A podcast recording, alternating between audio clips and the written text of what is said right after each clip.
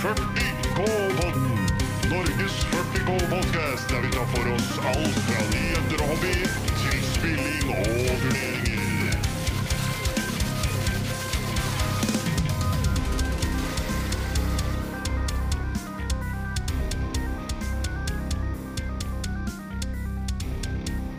Hei og velkommen til 40K. Vi er en norsk Warhammer-podkast. Jeg heter Glenn, og jeg har med meg de to som jeg alltid har med meg. Det er Frans God dag, god dag. og Stian. Hallo. Hei, hei. I dag eh, har vi en ny episode med et eh, tema som eh, forhåpentligvis eh, blir eh, aktuelt framover, i og med at det begynner å eh, komme et lys i enden av tunnelen, og det er å være med i turnering. Så det blir, Fysisk eh, turnering. Fysisk turnering, det stemmer. Så det blir veldig gøy. Vi skal selvfølgelig også gå gjennom hobby og gaming som vanlig. En bitte liten hobbyhack eh, som også har litt med å være med på turnering å gjøre. Vi har også litt eh, nyheter og diverse, Frans. Blant annet eh, Ja, hva har vi? Vi har litt diverse. Litt snacks. Ja. Det kan vi ta litt seinere. Vi har også litt eh, om eh, nye kodeksene som har kommet. Adeptus Mechanicus og Adepta Sororitas. Pluss Chapter Approved 2021 har jo kommet. Det har jo også kommet en ny FAQ, altså det er veldig mye som har skjedd den siste tida. I tillegg så tar vi en liten sving om innom den norske 40K-scenen. Og eh, til slutt da det som er episodens tema, det å være med på turnering. Så da kjører vi bare på.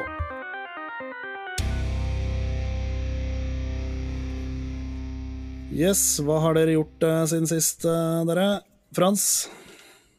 Jo, jeg har jo Jeg blei med i den turneringa som vi har nå på DSF, sammen med dere to. Så det har blitt en del 40K-spilling nå i siste, både med fått uh, øvd litt opp igjen til å spille litt sånn kompetativt. Og jeg har fått inn et par Necromunda-kamper og én Black Seas. Uh, og så fikk jeg en ny leveranse med Scale 75 Paints og ink.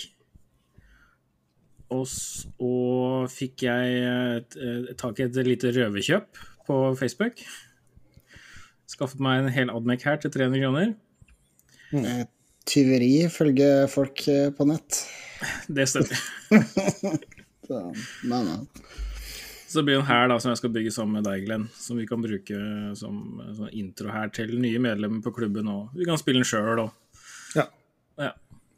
Og så fikk jeg tak i han der bolleklippen. Uh, Uriel Ventis. Ventis-modellen. ja. Så ikke fått gjort så mye på malingsfronten. Uh, så det er liksom det jeg har fått gjort de siste uh, tida. ja. Hva med deg, Stian? Ja, nei, jeg har uh, ikke spilt sånn kjempemye. Jeg har fått inn uh, fikk en første runde i DSF-turneringa. Da spilte jeg mot Necrons med mine nymalte Wardogs, som jeg har fått henta av Bjørn Håvard. Som blei dritfete, så det var så jævlig gøy å få spilt med dem. Mm. Og det har blitt uh, litt online også, men eh, mindre enn det jeg hadde håpa på. Eh, hobby Hobbybiten min har vært å sitte og se på modeller og printe litt terreng. Det er egentlig det jeg har fått eh, gjort av hobbyting. Ja, for du har fått deg 3D-printer, du. Fått meg 3D-printer, så nå driver jeg og skisserer opp eh, masse bol da, som jeg har tenkt å få printa ut eh, og testa ut, for å se hva som kan være Kall det optimalt, da. For da kan jeg på en måte få lagd gjennomgående standard på flere bord som man har i turneringer. Så man slipper å ha Planet Bowling Ball her og City Fighting her osv. osv. At man får en gjennomgående standard. Så Ja. det, den får kjørt seg hardt. Men eh, jeg må nesten spørre junior om lov innimellom, fordi han tar jo helt av på å printe ting. Så Sånn er det. mm, det er hobby, hobbylivet mitt i hvert fall. Ja, det er kult, det. Sjøl har jeg malt litt uh, mer på Sisters. Uh, går i gull, da. Og uh, så har jeg lest meg opp på en del regler, både FAQ, Chapter Approved, nye kodeksene, både Sisters og Admec, da. Spilt noen kamper, både på den DSF-turneringa og et par testkamper ellers. Så alt i alt eh, har det vært greit, egentlig. Så, så det er jo bra. Vi kan jo høre litt om åssen kamper eh, vi har spilt, da. Eh, Vi kan jo begynne med deg igjen, da, Frans. Ja. Jeg hadde to øvingskamper. Den første var mot Tore. Eh, Det var eh, Chaos Demons. Eh, For å si det sånn, det var eh, Jeg fikk litt vond smak i munnen fordi jeg vant eh, den kampen. Og jeg mista totalt fire intercessors gjennom hele kampen. Oi. Og han mista omtrent hele hæren sin. Så det ble skutt bort og Nei, det var, det var grusomt. Og så spilte vi litt feil, og vi spilte med leadership-regelen fra 8. edition. Så han rulla feil på leadership, så hele, en hel eh, nesten en sånn 30 mann med blood letters forsvant på leadership. Ja, Hvor du egentlig skal bare forsyne én. ikke sant. Det kan jo ha litt utfall for kampen, da. Det, ja. Og og så hadde jeg en øvingskamp mot eh, Erik, og det var Space Wolves. Også en seier igjen til Ultramarines. Eh, Jeg spilte den kampen eh, Jeg følte jeg spilte den ganske lur med plassering eh, Hvordan jeg plasserte figurene mine rundt når jeg mova. Eh, Så fikk jeg tatt ut mye av de heavy-våpnene hans eh, før de fikk gjort noe på meg. Mm. Så sendte jeg inn sånn én gruppe med dudes inn i nærkampen hans da, for å holde dem unna. Til han kom opp i trynet på meg, da. Han ville gjerne i, i melee, mens jeg vil holde meg unna å skyte. Så jeg fikk holdt han unna med å sende inn én femmanns unit med intercessors. Nå holdt jeg linja hans fast.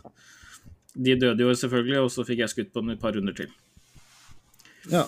Det er bra taktisk spill, da. Ja, jeg følte det. Men så kom jo turneringa.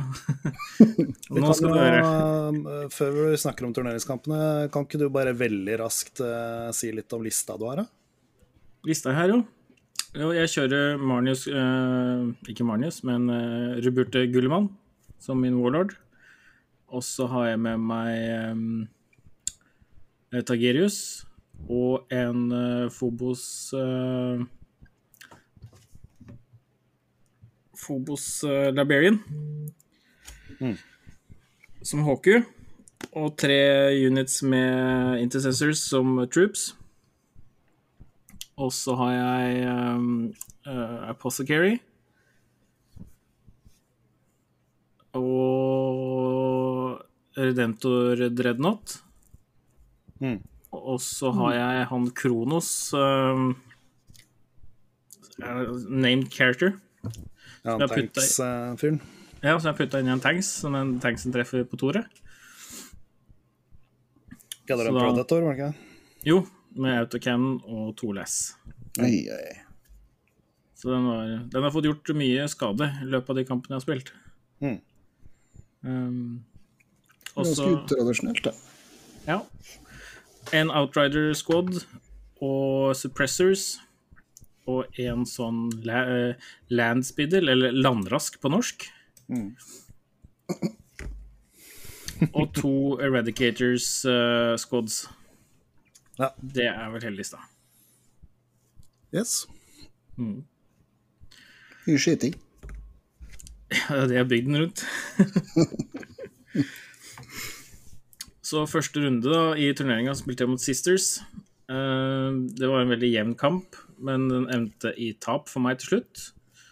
Det var litt mye om eh, fram og tilbake litt med regler og på secondaries og sånt noe, så først så tapte jeg, og så gikk jeg gjennom scoringa, og så vant jeg, og så gikk jeg gjennom scoringa dagen etterpå igjen.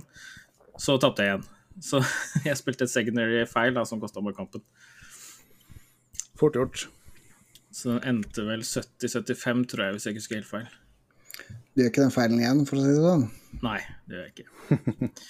Eh, Andre runde var mot eh, Jonas og hans eh, romklovner, Harley Queens.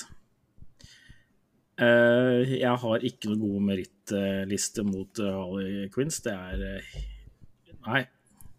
Så jeg tapte igjen. Utrolig ensidig kamp. Jeg endte på 26 poeng i tredje runde. Det var med painted-poenga. Så da ga jeg meg. Da kan jeg. Jeg var omringa i et hjørne med, noe, med Gulliman og noen eh, units som var igjen. Jeg så ikke noe mulig, for hele boardet var flødda med klovner, og det var ikke noe poeng jeg klarte å fange. Så da bare kan jeg si det, jeg. Mm. Så var det tredje runde, da.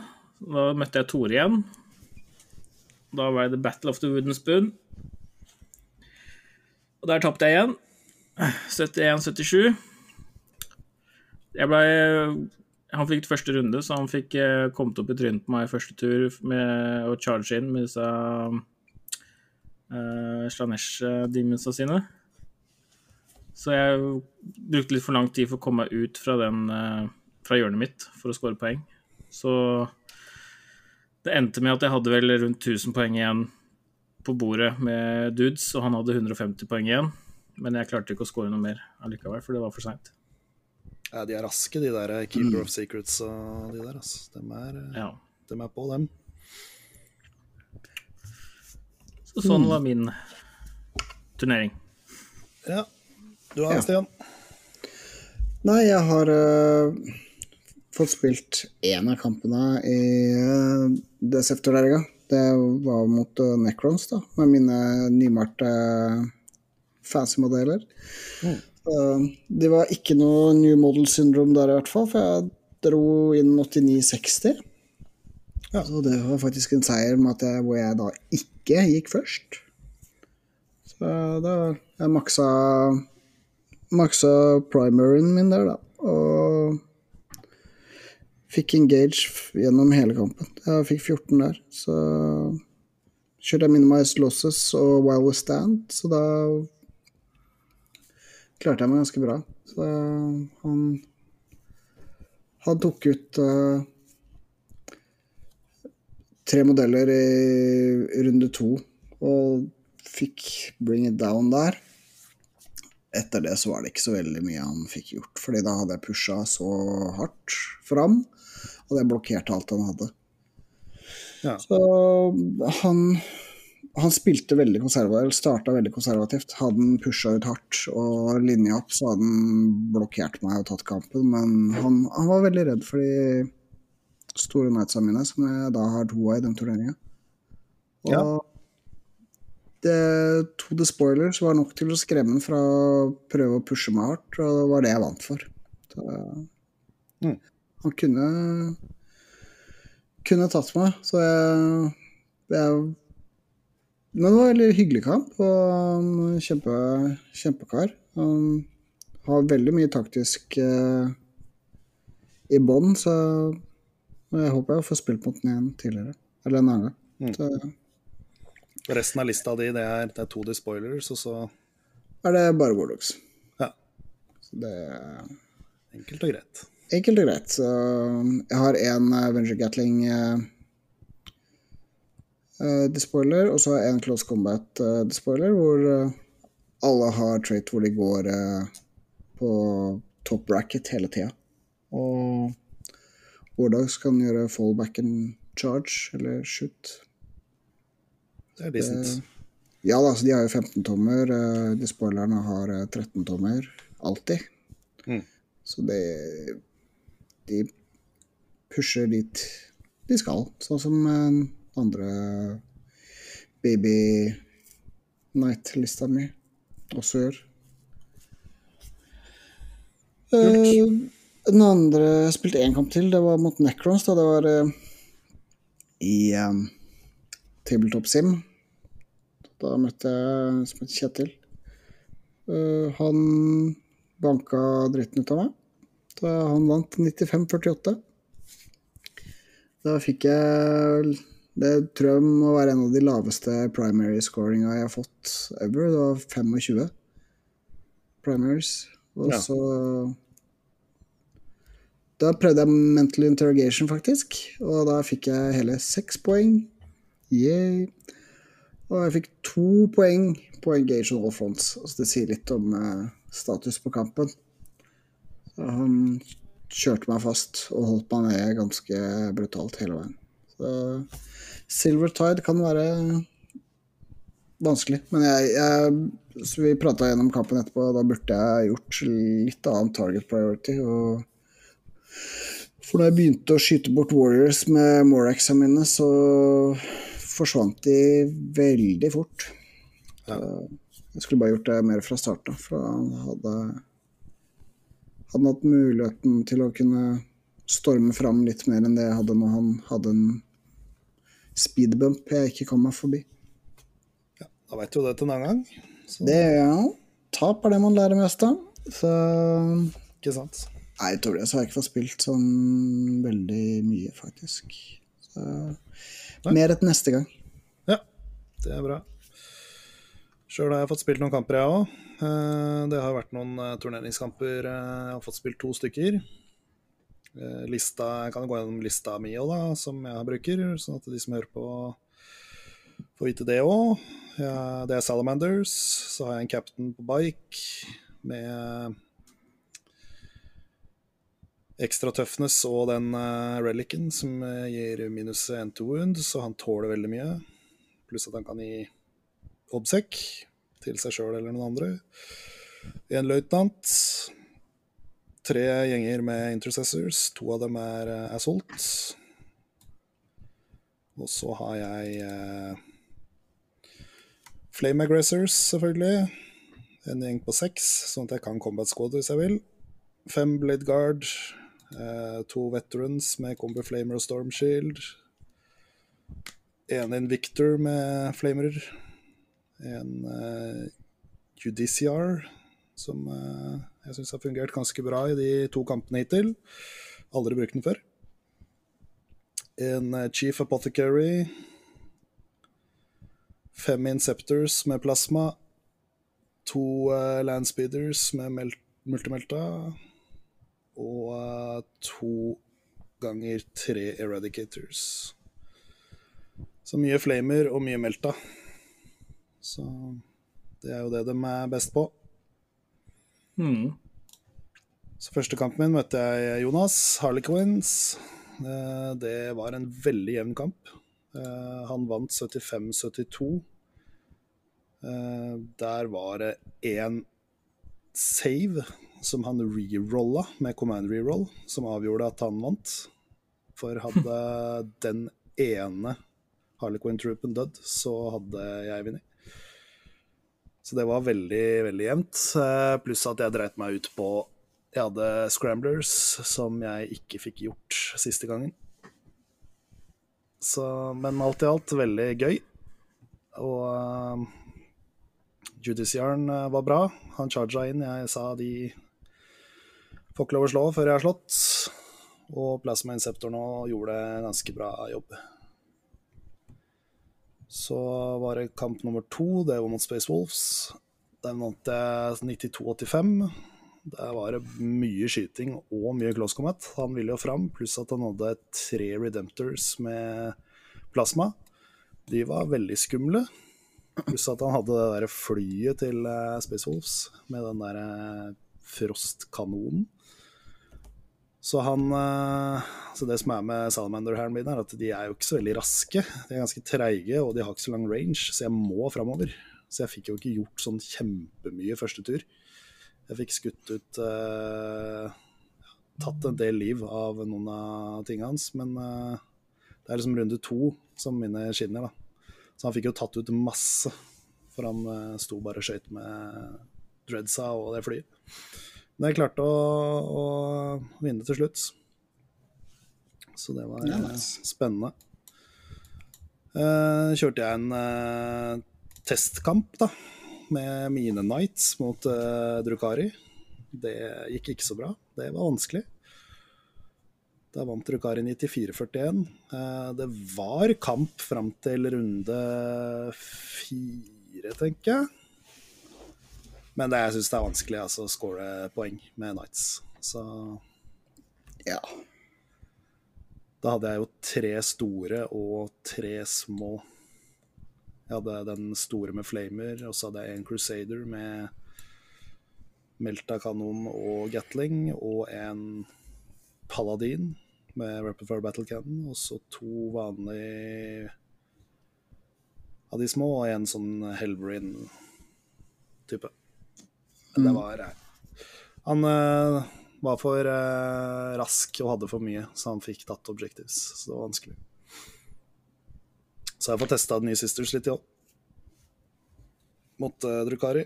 Det var bare en testkamp. Uh, der slang jeg bare sammen det jeg hadde der og da. Det var spennende. Kommer litt tilbake til det når vi snakker litt om den nye kodeksen. Så har jeg en uh, siste runden i turneringa mot Astra Militarum uh, nå til uka, så det blir spennende. Det er jo en matchup som kan bli interessant, i og med at han har mye skyting og tankser og kommer til å stå sikkert, mens jeg må fram, fordi jeg har ikke så lang range. Så det blir eh, moro å se hvordan det ender. Ja. Mm. Mm. Så da har vi jo fått gått gjennom eh, litt eh, kamper. Så da kan vi jo ta en eh, rask hobbyhack før vi går til nyheter.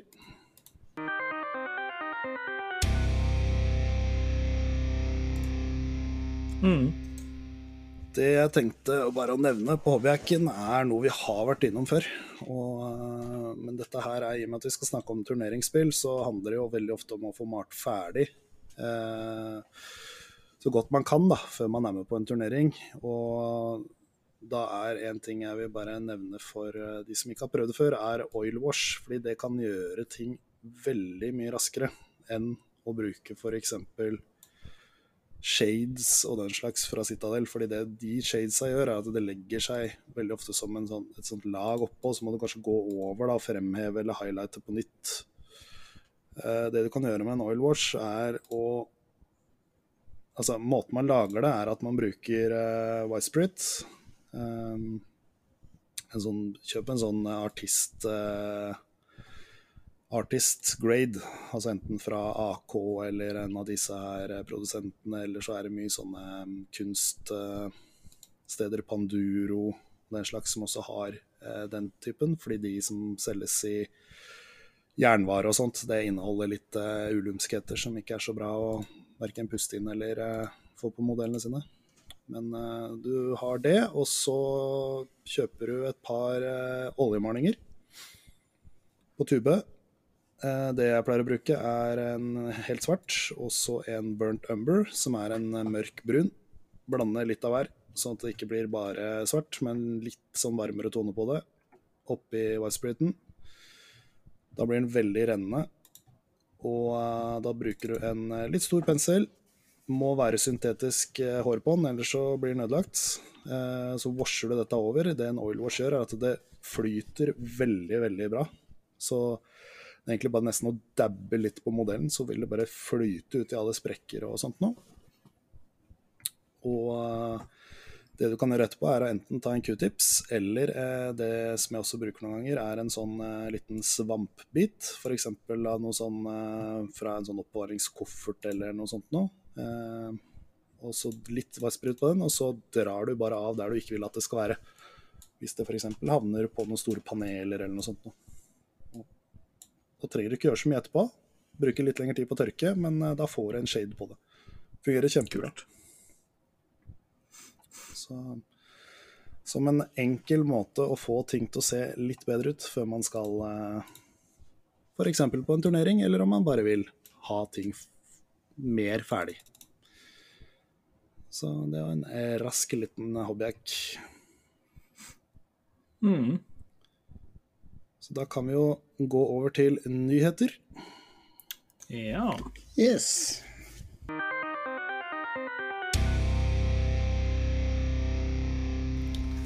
Da er det nyhetertid. Og Det stemmer jo det at nå har det jo kommet en ny FAQ.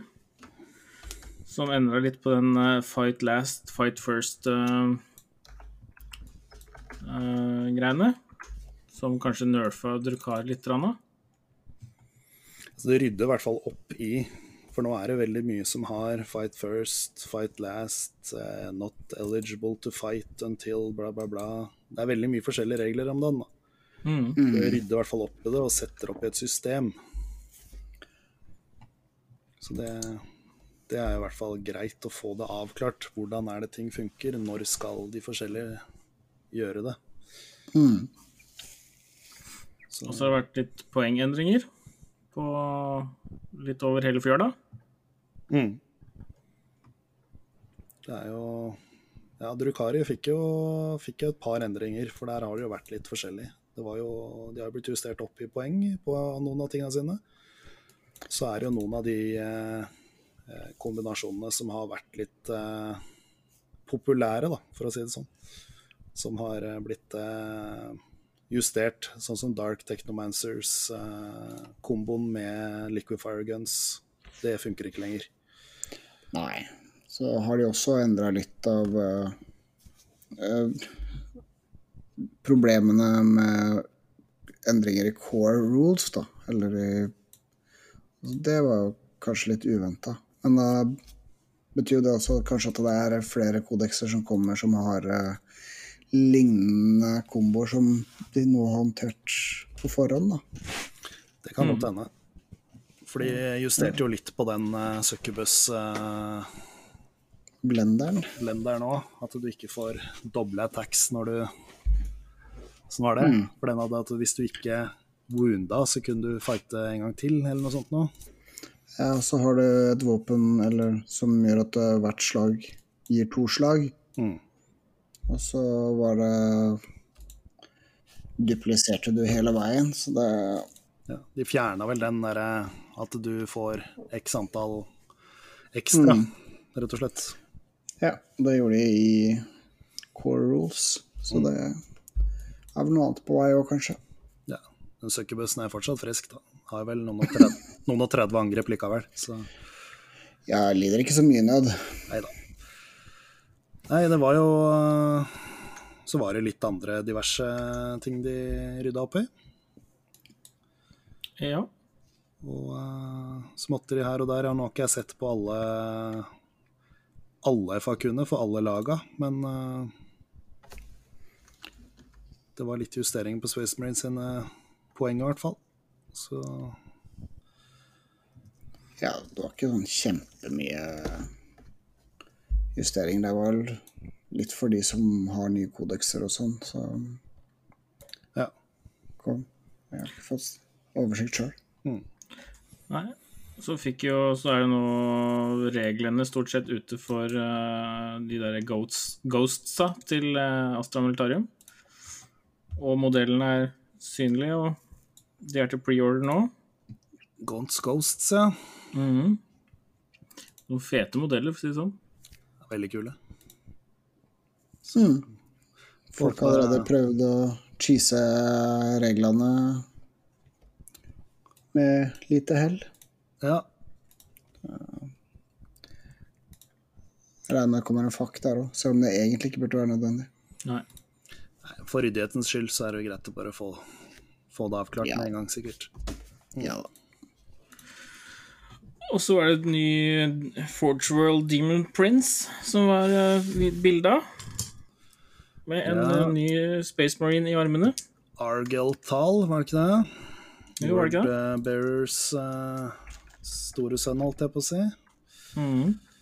Men var det et øh, 30K eller 40K? Det er 30K-modell, men uh, den fungerer fint i en Wordbearers uh, her i 40K, for å si det sånn. Veldig kul modell. Den var ganske fin, den. Mm. Og så kommer Dominion 3. juli i butikker. Ja, Det er pre- pre-order på den nå. Ny Age of Sigmar. Mm. Age of Sigma 3.0. Vis fram noen nye orker, har de gjort, da. Ja, de var Ja, stemmer. Har fått nye orker òg. Nye Boys. Nye boys. Ja, ikke alle som er fornøyd der. Jeg syns det, var- det var bedre de her enn de som har vært, syns jeg. da. Ja, jeg er gæren. De ser veldig kule ut, men det folk er eh, litt uh, gærne på, er vel det at uh, det ser ut som det er monopose, og det, du blir litt sånn lost i forhold til utstyr, blant annet. Og sånn, ja. Aha. Ja, og så det er noen som også Nei, det her er for lite ork. Ork. Syns Men folk- syns det ser tøft ut, jeg. Jeg er også, jeg er også fornøyd. Og så har jeg en anbefaling eh, som ikke har noe med, med Warhammer eller miniatyr sånn sett å gjøre. Men en god venn av meg har eh, gått live på Kickstarter med et rollespill som han har eh, utarbeida sjøl. Mhm. Som jeg vil anbefale. Jeg har også pledga Max-pledgen der. Det heter Quad. KVAD. Det er et rollespill som er satt i vikingtiden. Som jeg også har vært med å, å tidlig spillteste det og sånt noe, når det var tidlig i prosessen. Kult. Det liker vi. Og så har vi fått nye, to nye kodekser siden sist, har vi ikke det, Glenn? Jo, både Admec og Sisters, gitt. Så vi kan jo ta en rask titt på, på det. Litt sånn generelt bare med hva i hvert fall førsteinntrykket er der. Og eh, kan jo begynne med Admec, da, som kom eh, for noen uker siden nå. Mm. Den er jo eh, ja, ganske forandra i forhold til det den var før. Så jeg syns det ser sterkt ut. I hvert fall visse builds ser veldig bra ut. Og så ser vi egentlig igjen da at de aller fleste units er brukende til et eller annet. Eh, For det som var innganger i 8. edition, var ofte at det var eh, mange units i hver kodex som egentlig aldri fikk vært med på noe spill. Mm. Og det føler jeg de eh, er flinke til å forhindre nå, altså. At det er, det er rom for de fleste units nå i de nyeste kodeksene. Så litt avhengig av hva man spiller, hva man liker, hvordan man vil spille. Sånt noe. Så Mm. det ser veldig bra ut. Så hovedpunktene er jo at uh, før så hadde de Canticles of the Omnisaya for hele hæren. Nå er det delt opp i to punkter. Det er eh, fortsatt eh, en som heter Canticles of the Omnisaya, og så er det en som heter Doctrina Imperatives. Doctrina Imperatives er for Skitari units, så det vil si alle de små infanterifolka, eh, Weakles, disse chickensa, eh, de med vinger, eh, ja. Eh, alt der det sitter en skitari inni, eller er en skitari som er. Der er det fire stykker å velge mellom, og du velger sjøl når du vil bruke dem. Da er det en buff og en debuff som gjelder for de enhetene som har Doctrina Imperatives. Man må ha en Doctrina Assembler på brettet for å kunne gjøre det. Der er det noen eh, fine boosts eh, man kan eh, få der man ønsker, da, eller trenger det. Og Canticles er jo det samme, egentlig, som Doctrinas, bare at det gjelder for Colt Mechanicus-unitsa. det er jo da Catafrons, uh, Castle Robots, uh, de prestene, uh, sa Priestsa Mm. resten av hæren, da, kan du si. Jeg er glad jeg fikk tak i en velger du Der velger du også Det er ikke sånn som før at du rolla, eller at du måtte velge den og den og den. Her velger du når du skal bruke hvilken, og de kan brukes én gang, eller selvfølgelig så kan du manipulere det sånn som før, da. Ja. Så har du Night of the Cog. Det er at du kan ha med deg en Night som får keyword, sånn at du ikke mister Canticles og uh, Doctrinas. Det er veldig greit, nå som regelen har blitt at du kan ha med deg en uh, Super Heavy Oaks Detachment for én CP istedenfor uh, tre.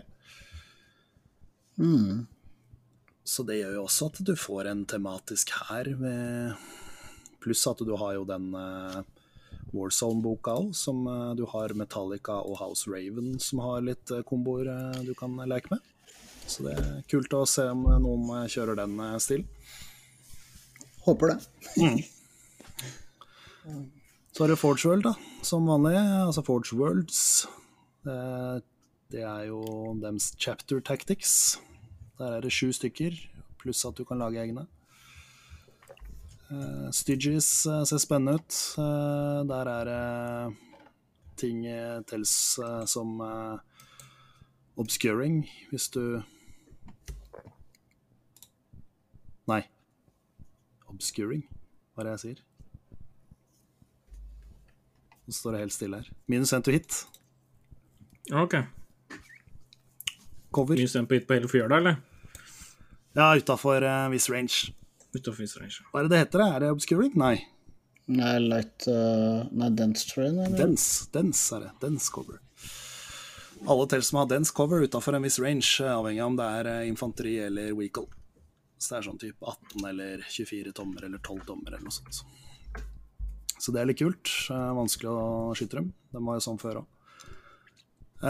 Metallica er ganske mobile. Eh, Du kan advance skyte, du kan eh, ja, bevege deg fort da, med dem. Eh, Pluss at du har en kombo med House Raven. Ryza har blitt close combat fortsatt. Det er veldig kult. De har jo fått Blood Angels-regler, blant annet. At de har pluss en to wound i close combat. Oi, det er bra. Ja, wow, wow. Og så har du Mars, som eh, ser ut som det mest kompetitive valget sånn rent regelmessig. Eh, en av grunnene til det er at alle Skitari-unitsa dine får også Canticles. Ofte om Nisaya. Så du får enda mer regler til hele hæren din. En ny unit, Skitari Marshall, en HQ som er Skitari, som eh, booster dem gir dem eh, litt eh, rerolls osv. Pluss at det er mye bra relics man kan nytte dem. Og eh, ja, generelt så syns jeg det ser ut som du kan lage mye kule lister. Så er det en del av de gamle komboene, komboene som har blitt tona ned, da. Sånn som eh, Mortal Wound-spammen med Mars har blitt litt eh, tona ned. Der er det maks seks Mortal Wounds nå. Eh, Ellers syns jeg alle Skitari-unitsa ser bra ut. Eh, mye bra stratagems. Eh, overall så har vel de fleste våpna blitt ganske mye bedre. Sterkere, bedre AP, bedre damage, eh, sånt noe. Ja, Castellan Robots og Catafrons er tona litt ned, så de får en litt annen rolle enn før. Nå er jo Castellan Robots med én skytearm og én close combat-arm mulig, så mulig at vi ser mer av det nå. Ja, ja. Ble endra litt på de der eh, kodene man kan gi til dem òg, så nå er det ikke stå og skyte 1000 skudd. Nå altså de, Rollene deres har endra seg litt, da. Men de tåler fortsatt mye og er eh, Jeg syns de i hvert fall er kule. 50-tallsroboter. Så har de fått mm. character upgrades, eh, også sånn som eh, ja, Chapter Master osv. Space Marines f.eks. har. Nå har jo alle laga fått sånne character upgrades. da. Ja, det er en veldig god løsning at de innfører det i alle kodekser. Ja, jeg syns det òg. Det som er kult, er at da kan du på en måte få karakterene dine til å, å få en enda viktigere rolle, da. Det blir ikke bare en taxi unit som det kan være noen ganger at du føler at det er. Så det er da poeng. Oppgradering koster ikke noe CP heller. Så Nei, ikke sant. kule, kule muligheter man har der. Så det er liksom veldig, veldig overfladisk om uh, Admec-kodeksen, og så er det jo selvfølgelig egne secondaries. Så de har jeg ikke sett så mye på. Det blir spennende å spille med dem. Det blir veldig gøy. Det blir spennende å spille mot dem. Ja, det ser ut som Skitari-infanteritroopsa ser bra ut. Altså både Vanguards og Rangers med mye skudd. Og Vanguardsa har jo at de auto-wounder på seksere to hit, eller eh, med stratagem firere to hit, auto-wounder. Så Ja, den er, den er tull, altså. Autowunder på fire pluss. ja, ikke mot vehicles, da, så du kan slappe av. Yes. Da var det ikke så tullete likevel, da. Men Mortarion eh, tror jeg er litt Han er monster. Ja, men det tror jeg det funker mot. Altså det er kun vehicles som går klar? Jeg tror det. Jeg, ikke, jeg skal ikke si det 100 sikkert, men eh, Ja jeg tror det. Mm. Så lenge jeg går klar, så driter jeg resten. Ja, nei da. Det- Men den uansett fortsatt det er ganske Det er ganske sterkt, det å auto under på fire pluss, altså. Ja, med de rangeren, nei, vanguardsa. 20 stykker. Eh, Skyter tre skudd hver. Det er 60 skudd. Var det ikke et eller annet at du også kan uh, gi dem et skudd eh, eller et dekk ekstra? Eller husker jeg jeg har hørt feil der? Ikke. Jeg har ikke fått satt på noe innrømmelse. Ja, rangerne kan i hvert fall få til å skyte ekstra mye med disse her riflene sine. Torball. Ja, ja, ja. Og så har vi Adepta Sororitas, da. Krigsnonnene. Du er vel fornøyd med de nye du har fått nå, er det ikke det, Glenn? Jo da, det ser bra ut. Det ser bra ut, men det er veldig annerledes enn det det var. Eh, Det er store endringer. Jeg tror her også at det kommer til å bli mye spennende lister, altså. Så også samme som Admac, at de fleste units er brukbare eh, til sitt bruk. Sånn som før var det ingen som brukte Ark og Flagellants f.eks., men nå er det faktisk eh, mulig å bruke dem eh, som infantry blenders f.eks. Gi dem litt buffs med noen prester og, og diverse, så kan det fort vekk bli skummelt, det, altså. Mm. hovedpunktene der er jo Shield of Faith er jo det samme som eh, før. At du har seks pluss invuln save på alt. Eh, du har Deny the Witch på det aller meste. Eh, den har endra seg nå, for før så hadde du 1D6 du måtte slå motstanderen. Dvs. Si hvis han slo mer enn seks på en psychic test, så kunne du ikke deny den. Og slo han en Jeg vet ikke om det fins noen psychic test som krever fire engang. jeg. Det er vel fem som er den laveste, tror jeg, med smite. Det var vanskelig å deny, i hvert fall. Eh, nå har det endra seg, så nå autodenier du på en sekser. Det er nice. Det er nice. Det er jo i hvert fall eh, en sjanse for at du kan ta det, selv med en eh, bøffa Magnus som eh, tar en super smite på 100, så kan du deny den likevel. Du kan også bøffe den til en 5 pluss med riktig Holdt på å si Det er jo enda bedre, da. Ja, da må du velge det, da. For de har jo også fortsatt den eh, At du velger en av seks eh, ekstra ting som gjelder hæren din. Som også de har endra litt på eh, hva er. Mm. Der kan du jo velge ja, enten at shield of Nei, eh, denyen din blir bedre. Du kan velge at du får seksere to hit i close combat. Det er et eh, double hits. Du eh, har eh, pluss én på advance charge. Ja, du velger én før du starter, eller random eh, velger to. Ja. Fungerer også bra. Du har Acts of Faith fortsatt, med Miracle Dice. Miracle Dice har endra seg litt, for nå får du Acts of Faith eh, for hvis du dreper en unit, eller hvis en character dør. Du får det ikke lenger hvis du klarer en the Witch, eller klarer en moral på en ener. Det gjorde du før. Så nå er det kun hvis du dreper, eller characteren din dør. Pluss at du selvfølgelig får på starten av turen én. En liten nerf. eh, det er færre Miracle Dice nå enn det var før. Eh, du kan selvfølgelig få mange, men da må du ofre litt. Fordi da må du kjøre en order, eh, for eksempel, som gir deg mer. Mm. Så eh, eneste måten eh, utenom orders og få ekstra Miracle Dice, er eh, hvis du har eh, Triumph of St. Catherine, så får du fortsatt én. Og en Warlord Trait som har blitt kan kalle det nerfa ganske heftig. Det var jo før at hvis den med Warlord Trait var på bordet, så fikk du en ekstra Miracle Dice hver tur. Eh, Den har nå blitt endra til at den kun gjelder for den modellen. Så den okay. med Warlord Traitet får en Miracle Dice som den modellen kan bruke på et eller annet. Men du kan ikke bruke den på en annen unit, f.eks. Okay. Så det har blitt eh, litt vanskeligere å få tak i Miracle Dice, men de er fortsatt veldig bra.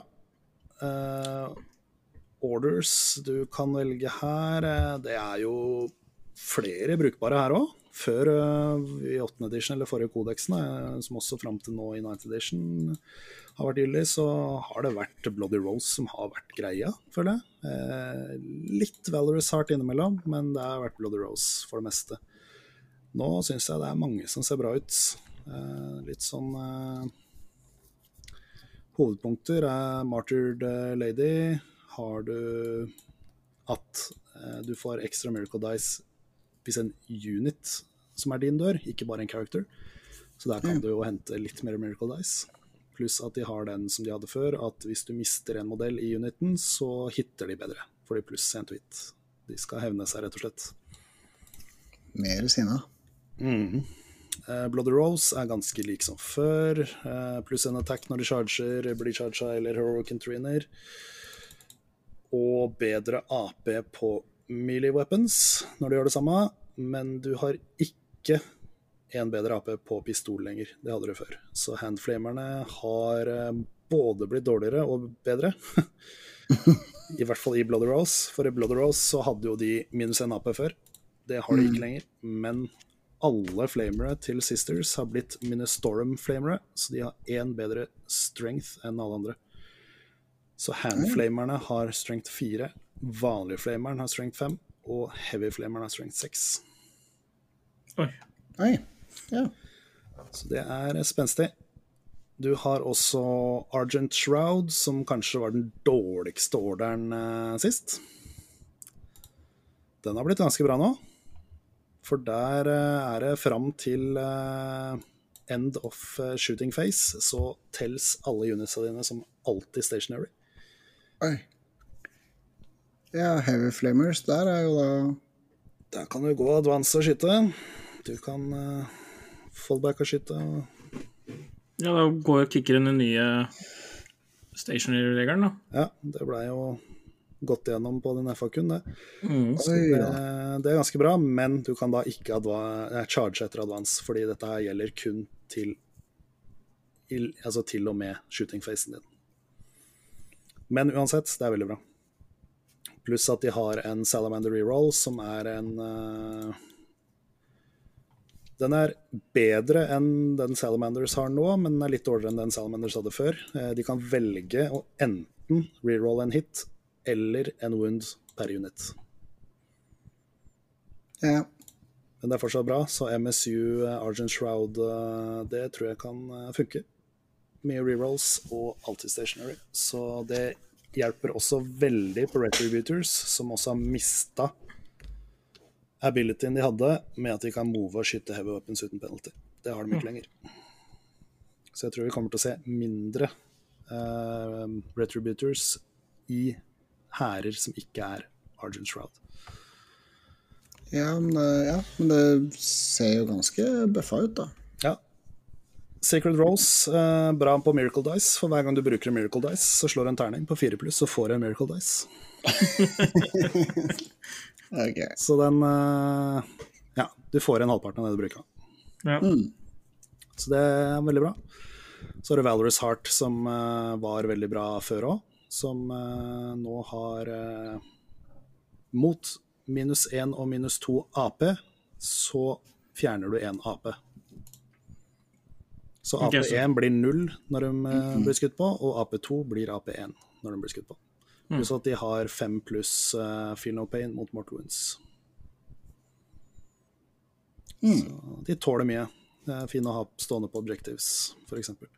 Så er det jo selvfølgelig Warlord Traits, Strutagames, Relics, masse også. Så jeg bare tok ut de som jeg liksom syns var sånn ved første øyekast gode. Og det er jo over halvparten. Ser spennende ut, da. Ja da. Og det er noen egne som er veldig bra med flamers, hvis man liker mye flamers. Uh, dem er fortsatt character-lag nummer én. Uh, jeg telte over. eh, Det er vel 14 characters, uh, forskjellige datasheets. Herregud. Og det vil da si at Celestine eh, Det er tre characters i ett datasheet. Så det er jo 16, da, så regner med det. For der har uh, Geminaene blitt en del av uniten, så de er en unit nå. Uh, Celestine har blitt uh, bedre på mange måter.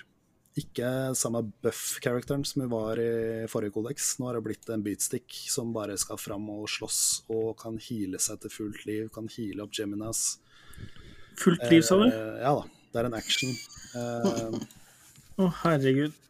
Hun står opp igjen eh, første gang hun dør på to pluss, eh, og med fullt liv. Ja, hun tåler mye, da, for å si det sånn. Har også fått uh, jump back rules, hun kan deepstrike, og kan bruke den nye strategien de har, som er å ta en jump back unit tilbake inn i reserve. Den uh, regen-regelen, er det end of face eller end of round? Det er en action hun må ta. Som For å stå opp igjen? eh, nei, for å stå opp igjen hvis hun dør, det er end of the face. Eh, men hvis hun skal heale seg, så er det en action hun tar. Eh, jeg mener det er på slutten av moment face. Så tar hun en action som er ferdig i slutten av shooting face. Så hun kan ikke skyte med sverdet sitt. da. Så du blir Du blir ikke kvitt henne. Det er vanskelig å fjerne, da. Ja. Det er hun. Men eh, det er kult. Hun er en levende saint, og det, ja, det er kult. Koster 200 poeng, så Det er jo riktig, da. ja da. Det er veldig bra. Eh, Morven Wahl har kommet. Uh, the Grand Abbess of the Adeptus Arotas. Hun er jo, eh, kan du si, chapter master, eller Ja. Det er Gilliman til Sisters, rett og slett. Gå på, gå på tvers av alle orders. Hun er ikke order locked, så du kan ha med i alle herrer. Eh, gir eh, det som er av reroll både Du kan velge en core unit som får reroll alle hits og alle wounds. Hun har åtte liv, uh, halverer all damage incoming. Uh, Fire pluss uh, save mot alle mortal wounds. Fire pluss vanlig invuln save. Har reroller alle hits og wounds på seg sjøl i close combat. Har en ganske bra close combat-våpen. Har to rocket launchers og en strength 6 heavy bolter.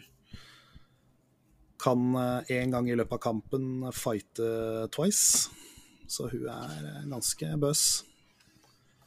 Kult. 265 poeng, så det er eh, Det er mye av hæren, men eh, det er en force multiplier de luxe. Jeg tror det er få sisters-hærer som ikke kommer til å ha med Morven Wall, eh, i hvert fall nå i starten. Det hørtes jo kjempebra ut. Til uh, Gullmann som er 380 han koster. Ja, men hun her kan ikke stå opp igjen hvis hun dør, da. Nei, nei, men du kunne jo Du ruller jo Du sa all hits og all wounds. Til én unit, ja. Ja. Det her blir en Gullmann. Og alle andre units uh, reroller enere.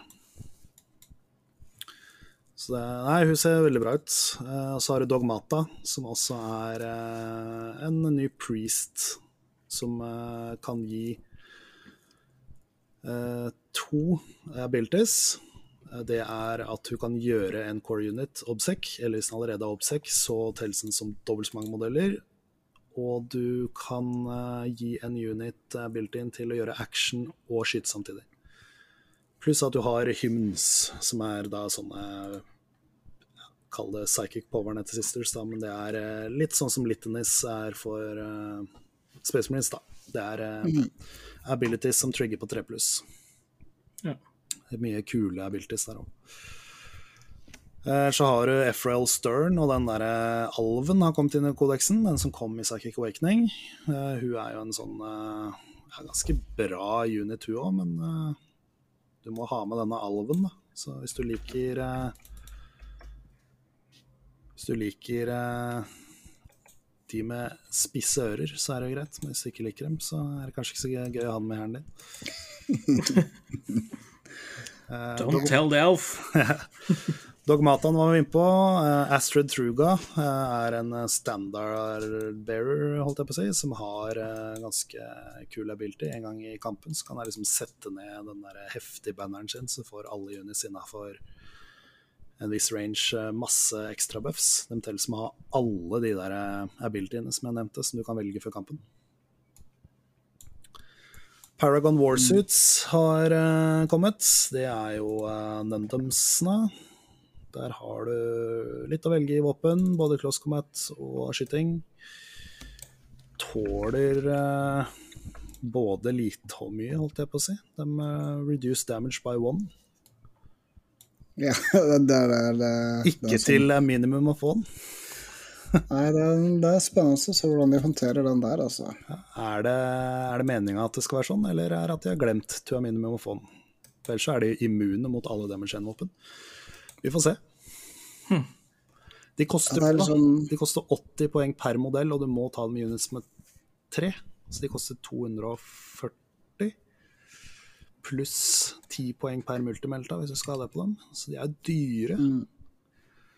Men det er en unit som uh, Sisters uh, trenger, føler jeg. Fordi at det er tøffnes fem, og det er fire liv.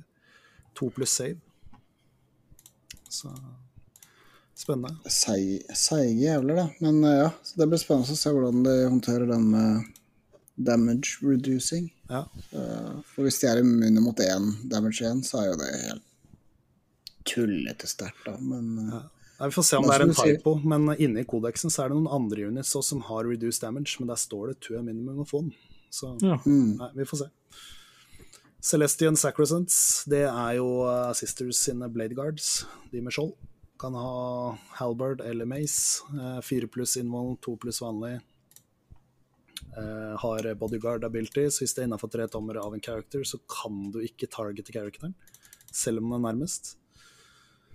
Det er en eh, kul eh, regel som man kan spille rundt, eh, pluss at de kan heroic intervene. Eh, har eh, to angrep hver.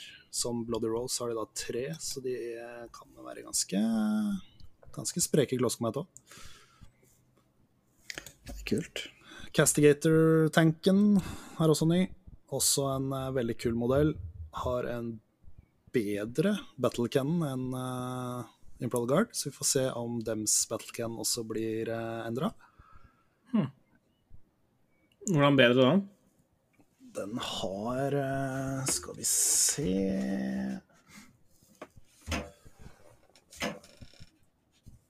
Skal jeg bare slå den opp her, så kan vi se med en gang.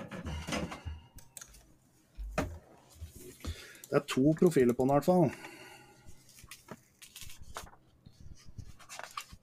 Og det er eh, Skal vi se Castigator Battle Cannon. Det er 72 range, og så er det enten Sanctified Shell, det er Heavy D6, Strength 9, minus 3, Damage 3, Blast. Så det er vel én bedre strength og én bedre AP enn vanlig Battle Cannon, så vidt jeg husker. Og så har du Pyre Shell. Det er Heavy 3D3, Strength 6, minus 1, 1 damage, Blast og ikke noe cover. Ok. Oi, ja.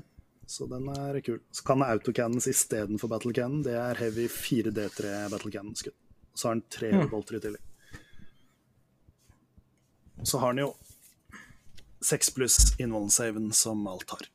Så det ser ut som en kul tanks som uh, Sisters uh, trenger, tror jeg. For den Exorcisten har nok ikke blitt noe mer relevant å ha med i en kamp, altså. Nei. Den har gått ned i tøffness, den har gått ned i wounds. Eh, Våpna har blitt dyrere. Så den har fått en stratagem, at du kan skyte indirekte, men det burde egentlig den bare fått eh, generelt. At den kunne vært en sånn eh, out of range, eh, nei, out of line of sight eh, artillery piece. Mm. det er litt irrelevant akkurat nå, tror jeg. Mm. Så jeg tror Castigatoren er bedre, sånn sett, hvis man skal ha litt heavy firepower and sisters eh, her. Koster vel ikke mer enn 150-ish poeng rundt i det landet der. Noen som skal selge modeller her nå, eller? vi får se, vi får se. Uh, hymns var vi så vidt borti. Det er da det prestene kan uh, ta av disse powersa sine. Da kan de vanlige preacherne ha kun en sånn uh, hymn som gir pluss én attack til en unit innafor seks dommer. Så den abilityen til prestene har blitt endra. Nå er det ikke alle units innafor seks, nå må du velge en, og det går kun av på en tre pluss. Uh, og så har du andre priests. Nå har du da Dogmatan, som er en priest. Og så har eh, har du Missionaryen, som er priest, som er en HQ. Og så har du den siste som eh, jeg ikke husker hva heter akkurat nå, men den som veldig få hadde med, den som kunne gjøre om Miracle Dice Rollsa, pluss én eller minus én, det er også en priest nå. Så nå har den litt mer for seg. Mm. Der har du blant annet eh, Du kan smite, D3 Mortal Runes.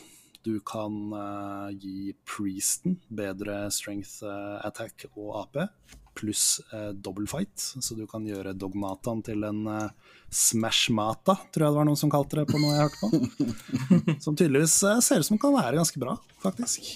Eh, du har eh, at du kan eh, gi bedre involve save til eh, noen innafor sekstommer. Uh, og litt sånn diverse. Litt eh, kule, kule ting som de trenger for å kunne ja, gjøre det bra, tror jeg. Spennende.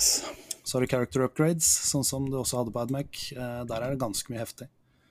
Uh, som også har noe som heter Miracle Abilities. Der discarder en Miracle Die. Hvis på en ener så får Miracle-rangen én tomme. På en to til fem så får den tre tommer, og på en sekser så får du seks tommer.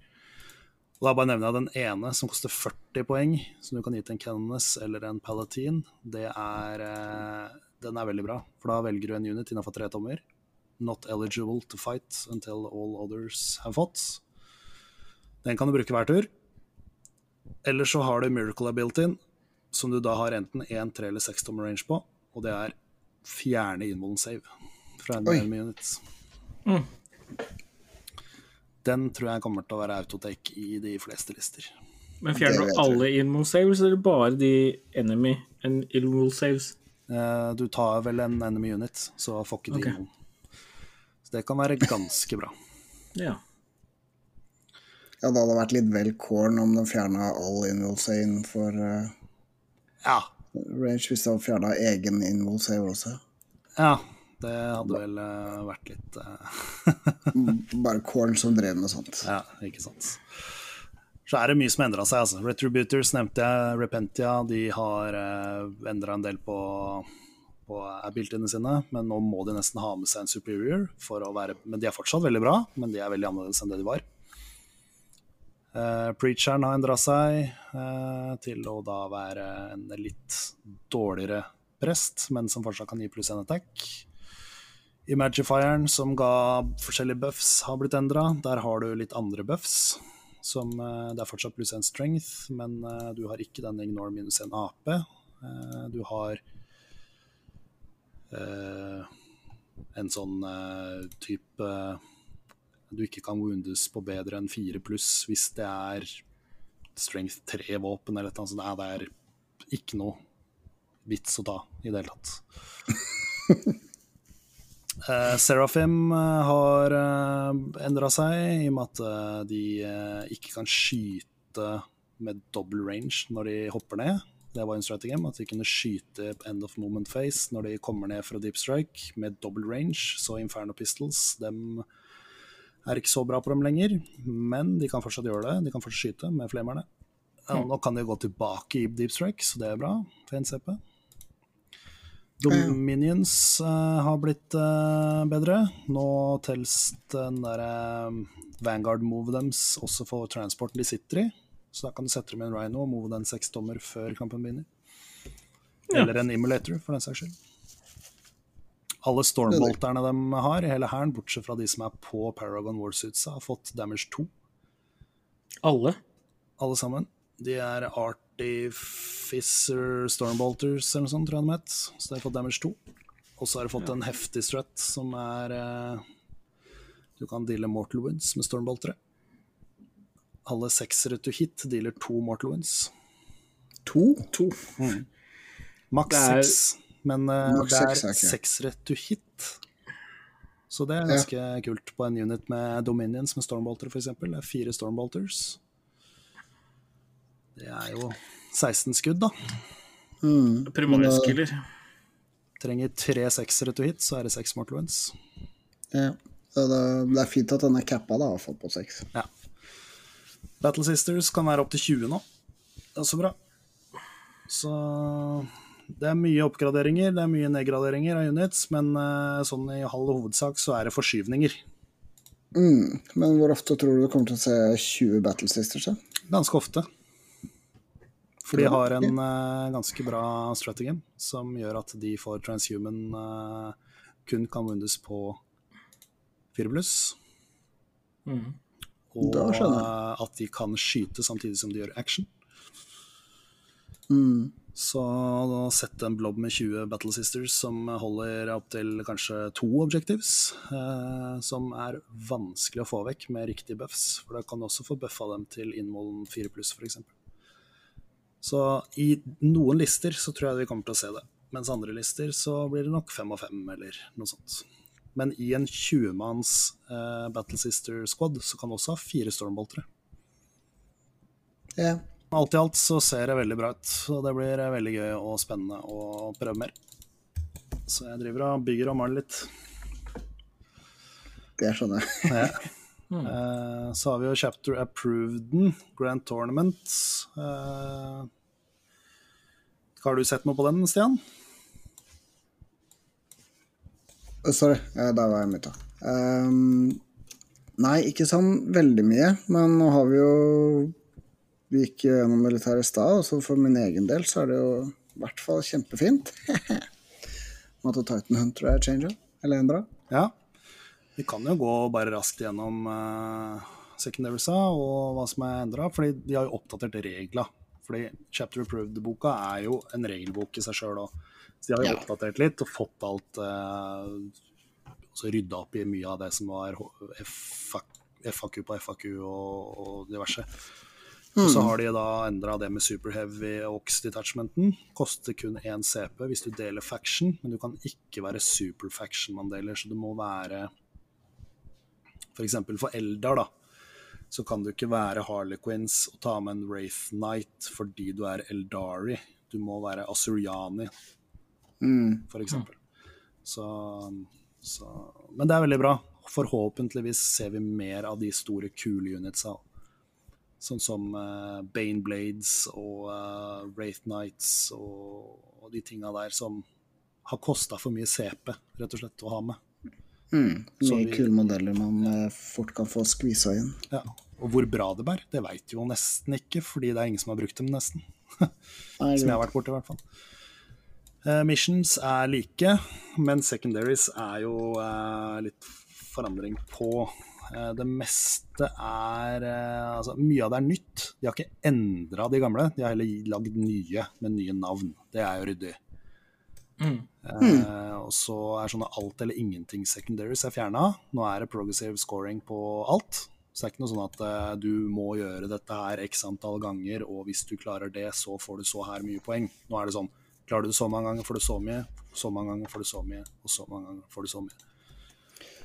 Ja, det gjør jo alt litt mer brukelig, da. Så det Det er liksom kjedelig å skulle scramble, da, og så har du klart det to ganger. Du har kanskje til og med klart det i motstanderens deployment zone, og så er det en eller annen grunn så har du ikke klart det i din egen, og så får du ikke noe poeng likevel.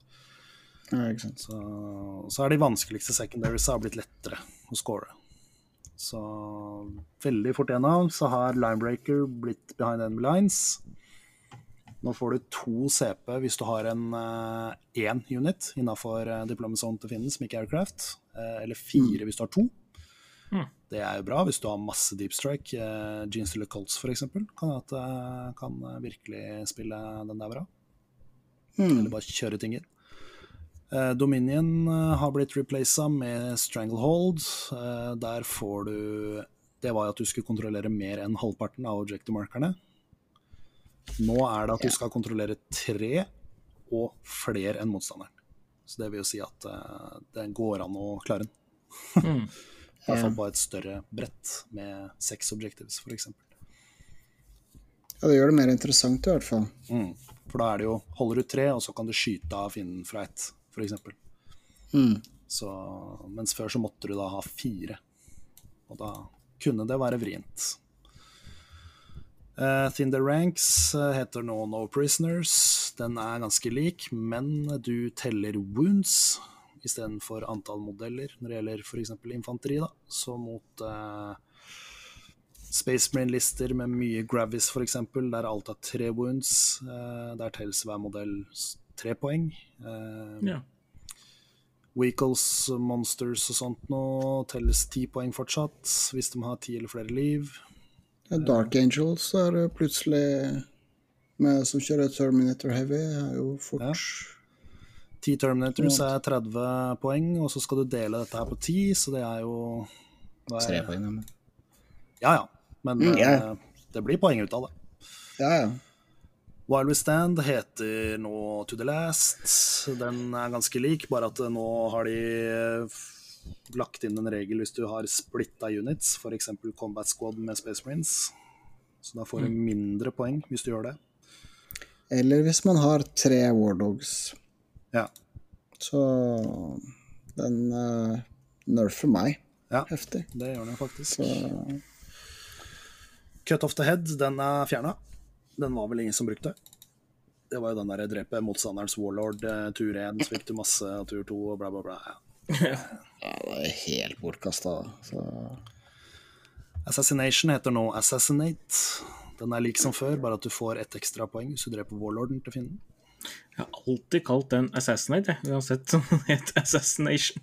Ja. Nei, den het Ja, den het Assassinate. Nå heter den Assassination. Ja. Uh, Bring It Down har nå det som blei FAQ-a. At det er lavere poengsum. Eh, Titan Hunter er nå endra. Fire poeng hvis du dreper én Titanic istedenfor ti. Ni poeng hvis du dreper to istedenfor tolv, og 15 hvis du tar tre eller flere. Yes! Yes, yes, yes! Da kan jeg ta med meg the spoilers igjen. Ja, Så here comes the big boys. det er bra. Det liker jeg. Det liker jeg veldig godt. Ikke sant? Investigate Sites eh, heter nå Investigate Signal. Det er, eh, det er litt endring. Den er litt enklere å få til fordi du kan i hvert fall få drept fienden. Du må holde within, det må begge. Og eh, nå er det en litt større sjanse for at du klarer det, for før så kunne fienden bare putte en unit innafor. Så feila den. Men uh, nå er det litt enklere å få til. Uh, Scramblers heter nå Retrieve Octarius Data. Før var den jo at du skulle ha en eh, action i din egen sone, deployment, og en i fiendens deployment, og en seks tommer fra noen deployment, altså i No Man's Land. Nå er den delt opp isteden i fire table quarters. Du må være seks tommer inn i tablequarteret for å kunne ta action. Eh, Du får fire poeng hvis du tar den to ganger, i to forskjellige altså. Åtte poeng hvis du tar den i tre forskjellige, og tolv poeng hvis du tar den i alle fire. Så Så det er mer poeng, da. det er mer poeng hvis du klarer alle fire. Før var det jo bare tre. Men eh, det er litt mer muligheter for å få tatt dem. Du må ikke inn bak fienden. Nei. Eh, teleport Homeren heter eh, nå Deploy Teleport Homers. Den er nå både for infantry og bikes. Du må holy within 12 av en opponents deployment zone. Altså du må innafor 12 tommer av der Du må ikke inn i deployment zonen, men du må innafor 12 tommer av deployment zonen. Det vil jo si for det meste du må over midten. De fleste er vel eh, deployment zone 12 fra midten, er det ikke det? Så ja, du må over midtstreken, da. Så kan du gjøre en action. Da får du to poeng hvis den uh, uniten fortsatt er der i din neste command phase. Eller hvis du gjør det innafor deployment zone til fienden, så får du fire poeng i sted. Men det er spennende at du kan gjøre det med bikes. Ja, for de har jo ofte 14 tommer, da. Så det er bare rett opp, stelle deg et sted som du kanskje er ute av landsight, og så kan du begynne å score. Uh, Warpcraft så er det også litt endringer. Det er Border Witch. Der er jo endringa sånn som man blei endra til. At det er tre poeng for Psycher Characters og to poeng for Psycher Units. Eh, mental eh, interrogation heter psychic interrogation. Nå er det tre poeng hver gang du klarer den, men du må se fienden, karakteren du tar det på, men du har fått lengre range. Nå er det 24 istedenfor 18. Men før kunne du gjøre det på en character du ikke så. Så Ja. lengre range, men du må se. Så ja, vi får se hvor aktuell han blir. Kanskje når Thousand Sons og Grey Nights kommer. Ja, for da blir det jo bare å på en måte gjemme karakterene dine, da, så har man på en måte denia. Ja. Svekker det fælt, egentlig. Psychic Ritual har uh, blitt lettere òg. Den heter Warp Ritual nå. Før måtte du klare den tre ganger med samme i- character. Innafor seks tommer av senter for å få 15 poeng. Men nå er det Du må gjøre det innafor av midten med en cycle character, men du må ikke gjøre det med samme hver gang. Og du får tre victory points hvis du har gjort det én gang. Du får sju victory points hvis du har gjort det to ganger, og du får tolv victory points hvis du har klart det tre eller flere ganger. Den også tror jeg kan bli spennende med mer Cycle Heavy Armies. Thousand Sons og Grey Nights, da. Som eh, ja, Jeg tipper vi ser de to kodeksene komme sammen om eh, en måned eller to. Ja. I og med at de har jo allerede annonsert at de egentlig skulle vært ute allerede. Fordi reglene deres er jo oppdatert i den nye field manualen som kom sammen med Chapter Approved. Så de er nok ikke langt unna, men vi ser vel en Orc-kodeks eh, i hylla før den tid, tenker jeg. Det vil jeg tro. Det blir veldig spennende. Yes, da har vi jo fått gått gjennom egentlig mer grundig enn det jeg tenkte. Så da kan vi jo eh, gå videre.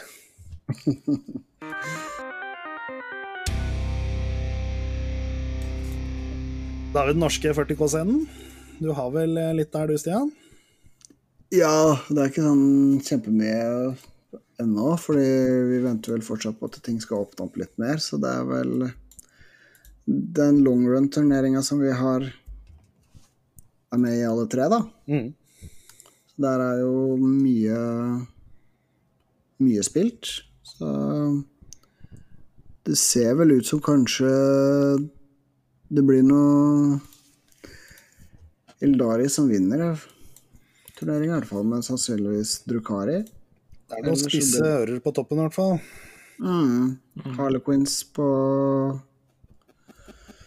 første- og andreplass så langt. Så Drukari på tredje. Men det er jo ikke alt som er spilt, da. Men det blir vel uh, trippel win med både Harlequins og Drukari der, tenker jeg. Ja, for Kasper har jo spilt tre kamper. Han har vunnet alle, så han ligger på første nå. Jonas tapte den siste. Han eh, fikk jo mirror match mot Kasper. Ja, det er Jonas som fikk det. Så skal jo Nico med Drukari møte Lars Erik sine Ultramarines. Det blir jo Ja. kampen om eh, kanskje førsteplassen. Det Antageligvis. Jeg funner hvis Ultramarines tar hele kaka, da. Ja, Så, han har en bra liste, altså. Han har mye, Han har det. mye dreads og ja, litt sånn uortodoks, hvis vi skal kalle det det. Det har blitt mer og mer populært nå, har jeg sett, da. Med Ja. Ultramarines uh, dreadnoughts, men eh, Ja, Dreadnoughts har fått en eh, resurrection, for å si det sånn. Jeg har sett eh, hva folk driver og snekrer sammen der sånn, både som Space Wolves og Iron Hands, for å si det sånn, i tillegg til Ultramarines. ja.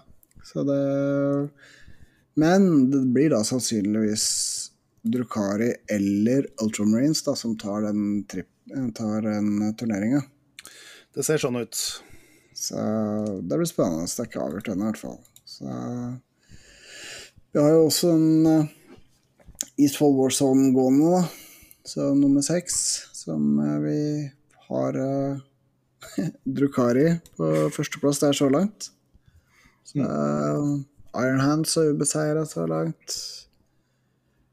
Admec uh, Den spilles kanskje, eller så blir det på walkover mot, uh, mot Dark Angels. Det er ikke helt avgjort. Der, eh, den turneringa så tråkka jeg meg litt bort. Det har jeg gått inn, inn og innrømt. Og gått tilbake på en avgjørelse jeg hadde om at eh, Drukari skulle få en Nerf Hammer og ikke muligheten til å gjøre om på ting. Så der har jeg sagt at vi pauser hele dritten en uke. Alle sender inn nye lister, så tar vi en ny pairing. Og de som vil droppe, kan droppe. Så jeg gjorde veldig feil der. Skal jeg innrømme at eh, jeg så ikke konsekvensen av å kjøre det enkelt. Det var feel bads for eh, litt for mange, dessverre. Så, Det er jo ofte vanskelig når man kjører en sånn type turnering over en lang periode òg, for da ja det, det var det. dukker det opp eh, ting. Og Det var jeg som håpa det skulle være litt enklere å bare gjøre det enkelt. Men så når da 25 av spillerne på en måte får en Får en klaps over lanken for en Army de visste var sterk, men på en måte kanskje ikke så at det skulle bli nerfa så hardt. Så da be dem om å spille tre kamper til med den lista som da på en måte mista mye boost, da. Da blei det Jeg gikk noen runder med meg sjøl der og så da at eh, jeg hadde gjort det for enkelt. Så der har vi pausa og venter på nye lister. Så blir det ny pairing nå til uka, eller den uka her, da, når den podkasten er ute. Mm. Så det var dårlig gjort av meg. Det har jeg også sagt. At eh, jeg tenkte ikke langt nok.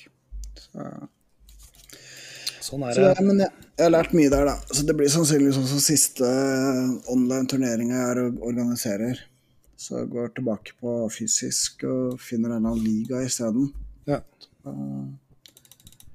Det har vært lærerikt, det har vært gøy, og det har vært eh, vondt. Så Mm. utover det så har jeg ikke fått med meg så veldig mye annet som skjer rundt omkring i Norge. Jeg vet ikke om det skjer noe annet enn de to. Jeg har ikke sett så mye sjøl, men uh, det er jo noen eh, større event som kommer opp etter hvert. Eh, Invasion er jo fortsatt Ja, Aktuell. de har, har vel eh, fortsatt eh, noen plasser igjen.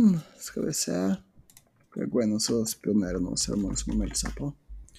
Jeg så de la ut i hvert fall at det var noen plasser igjen på flere systemer. Så der må folk Ja, melde seg vi- på og bli med hvis de ønsker, for det Ja, for nå er det faktisk eh, 60 registrerte på 40K nå, altså. Ja. Skal vi se hva Jeg mener jeg så Kristoffer la ut et eller annet innlegg. Kanskje den er fullbooka? 40K er nå utsolgt. Ja. 60 billetter. Så, men man kan stå på venteliste. da. Så send en mail til kristoffer at invasion.no, så blir man satt opp på venteliste, så er det førstemann til mølla. Så uh, Mm. jeg fikk plass nummer 42. Ja. Så lang neste til alle de som ikke har meldt seg på. det kommer til å bli jævlig gøy. Det er meg og Glenn, da. Ja, Glenn eh, får vel ikke disp uansett, så Frans får sende en mail og si at det står på venteliste. Ja. Nei da. Det, jeg ser det er mye mye ålreite folk som skal nedover, i. Så det er verdt en uh, venteplass. Det har vært en tur uansett, egentlig. Hvis man, det. eh, hvis man ønsker å bare være i miljøet. Mm. Det, det er Vi får prøve igjen neste år å samle hele, hele hurven. Ja. Så ned burde man dra. Mm. Så. Men, men. Vi, vi kommer sikkert eh, til å prate litt mer om Invasion seinere, Ja. Når det nærmer Så- seg, så Armacon er vel også utsolgt, tror jeg. Ellers så hørte jeg noen rykter om at de kanskje hadde én plass ledig. Ja. Skal vi se Registrere. Northammer. i hvert fall anbefale de som uh, kanskje ikke rakk uh, billett denne gangen, å sende mail og, og vise at man er interessert, fordi da kan det være større sjanse for at de utvider også. Ja. Så jeg ser at Northammer har én én billett til salgs. Mm. Hvis man vil til Stavanger. Ja. Én billett. 450 kroner. Yes. Men Blir nok veldig bra, begge to. mm, det blir gøy. Mm. Så jeg glemmer after Immersion. Jeg vet ikke om jeg får uh, tusla meg bort til Armaka. Eller Northammer. Så- Yes. Nei da. Men uh, vi kan kanskje Det sklir jo litt da inn i episodens tema. Ja, vi kan eh, gå dit nå. Mm.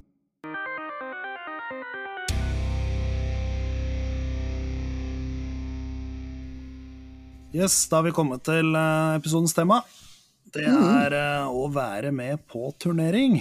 Hva det går ut på, egentlig, nå som det begynner å åpnes opp mer og mer. Og vi forhåpentligvis ser mer turneringer fysisk. Ja, det er jo noen store på vei, og nå hadde vi jo første endags miniturneringa i Moss her eh, med åtte spillere på fire bord, og blir vel mer eh, både i Oslo og Drammen og rundt omkring, tenker jeg. Mm. Så det er gøy. Det er veldig gøy. Frans fikk ikke vært med på denne delen, men vi får ta den, vi, Stian. På strak arm. Ja da.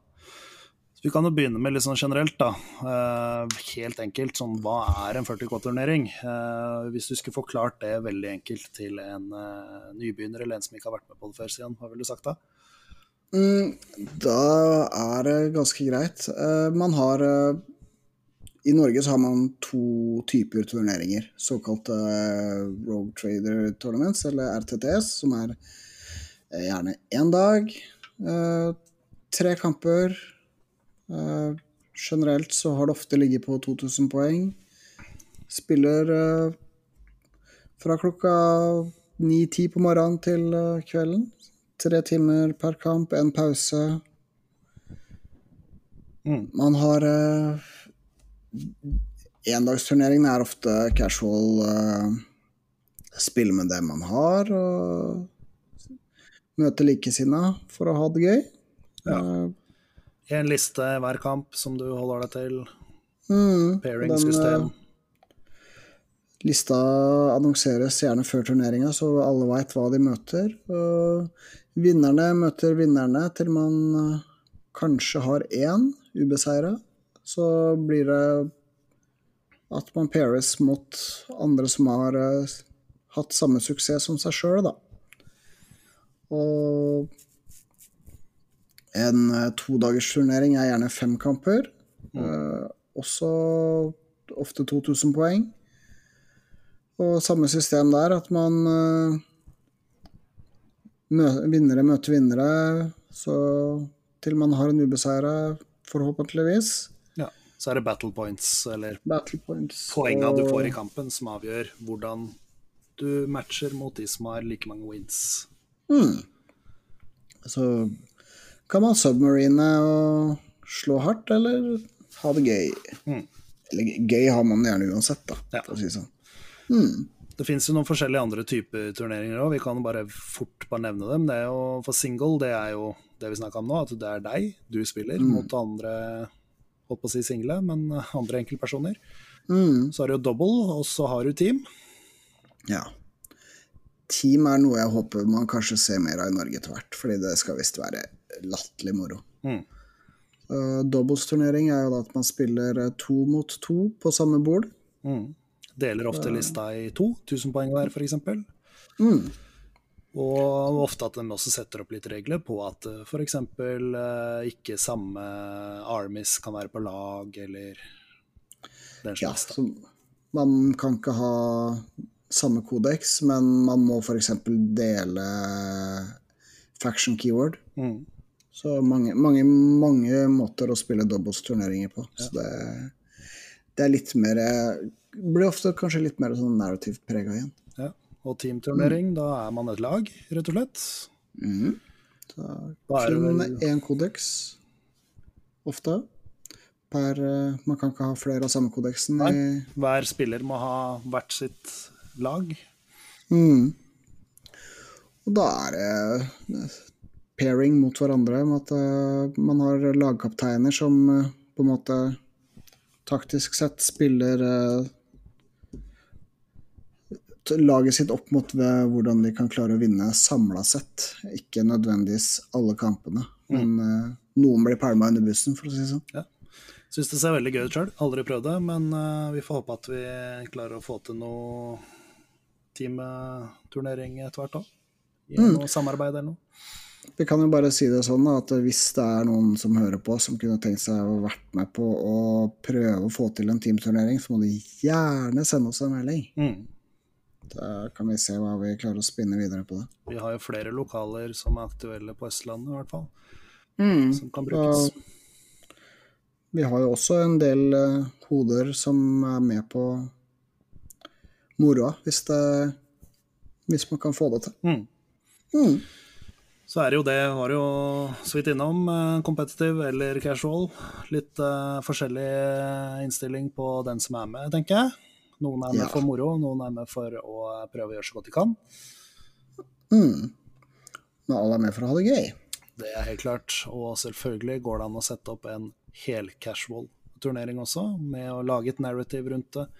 Kanskje sette litt mer restriksjoner, sånn at man ikke kan lage de tøffeste listene. Men uh, som oftest så er det jo ikke noen begrensninger på det. Da. Nei. Så Invasion hadde jo ett år så, hvor de hadde en Champions-turnering og en uh, mer casual, eller narrative-turnering, hvor uh, listene måtte være forhåndsgodkjente. Ja. Så det er absolutt et system som man burde prøve å få opp og gå her i Norge òg, Mm. i større grad. For det er kjempegøy. Så det er jo det å være med på turnering, da. Det er jo først eh, Det første som eh, er da, er jo tanken. Altså du har, hvis du kanskje ikke har vært med på det før. Uh, at du kanskje tenker det hadde vært gøy. Uh, du veit ikke helt hva, du går til. Eh, det er kanskje noen som sitter litt på gjerdet, har lyst, men er skeptiske, veit ikke helt, kjenner ikke så mange som vil, eh, den slags. Eh, vet ikke hva, hva slags erfaringer du har ja, med de, i hvert fall de førstegangsgårdene, Stian? Nei, Første gang jeg spilte turnering, så var jo det faktisk bare en, en dobbeltsturnering på Games Workshop. Og det var liksom bare OK, er det her eh, hva man har? Og så det liksom Ja, kjempegøy, det. Men jeg visste jo ikke hva en ordentlig turnering skulle være sånn sett, så det første jeg rulla meg borti, var vel det som blei kalt for NM, da. Mm. Og oppå på Ekeberg. Mm. Og møtte jo mye ostemakerier, holdt jeg på å si. Det, var eh, Men det var jo kjempegøy. Og det var liksom folk som spilte kjempehardt og hadde liksom det hardeste de kunne ta med seg, og blei frustrerte når de ikke klarte å drepe necronsa mine, som jeg da hadde spilt med fem ganger. Og, men samtidig så var det jo god stemning, og det var eh, Det ga jo mersmak. Mm. Det å kunne komme dit og liksom kjøre med det man ville, da. Så jeg Det var eh, Førstegangsturen var jo det som ga mersmaken, Ja. for å si det sånn. Ja, samme for min del. første jeg var med på, var jo en sånn eh, Jeg husker ikke hvor mye, 750 poeng eller noe, tror jeg det var. Vi hadde en sånn startup-turnering eh, på Midgard for en del år siden. Og prøvde å liksom få i gang eh, flere, da.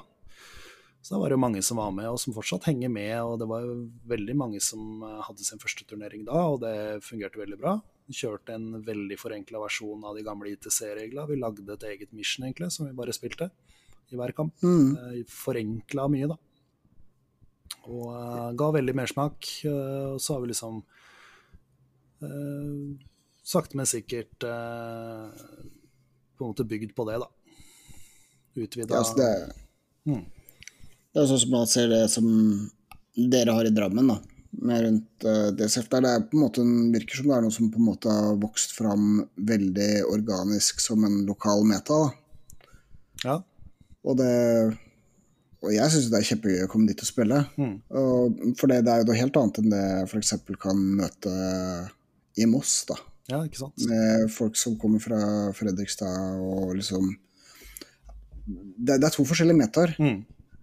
Og det å da reise ned til uh, Invasion, eksempel, blir jo en helt annen opplevelse igjen. Mm.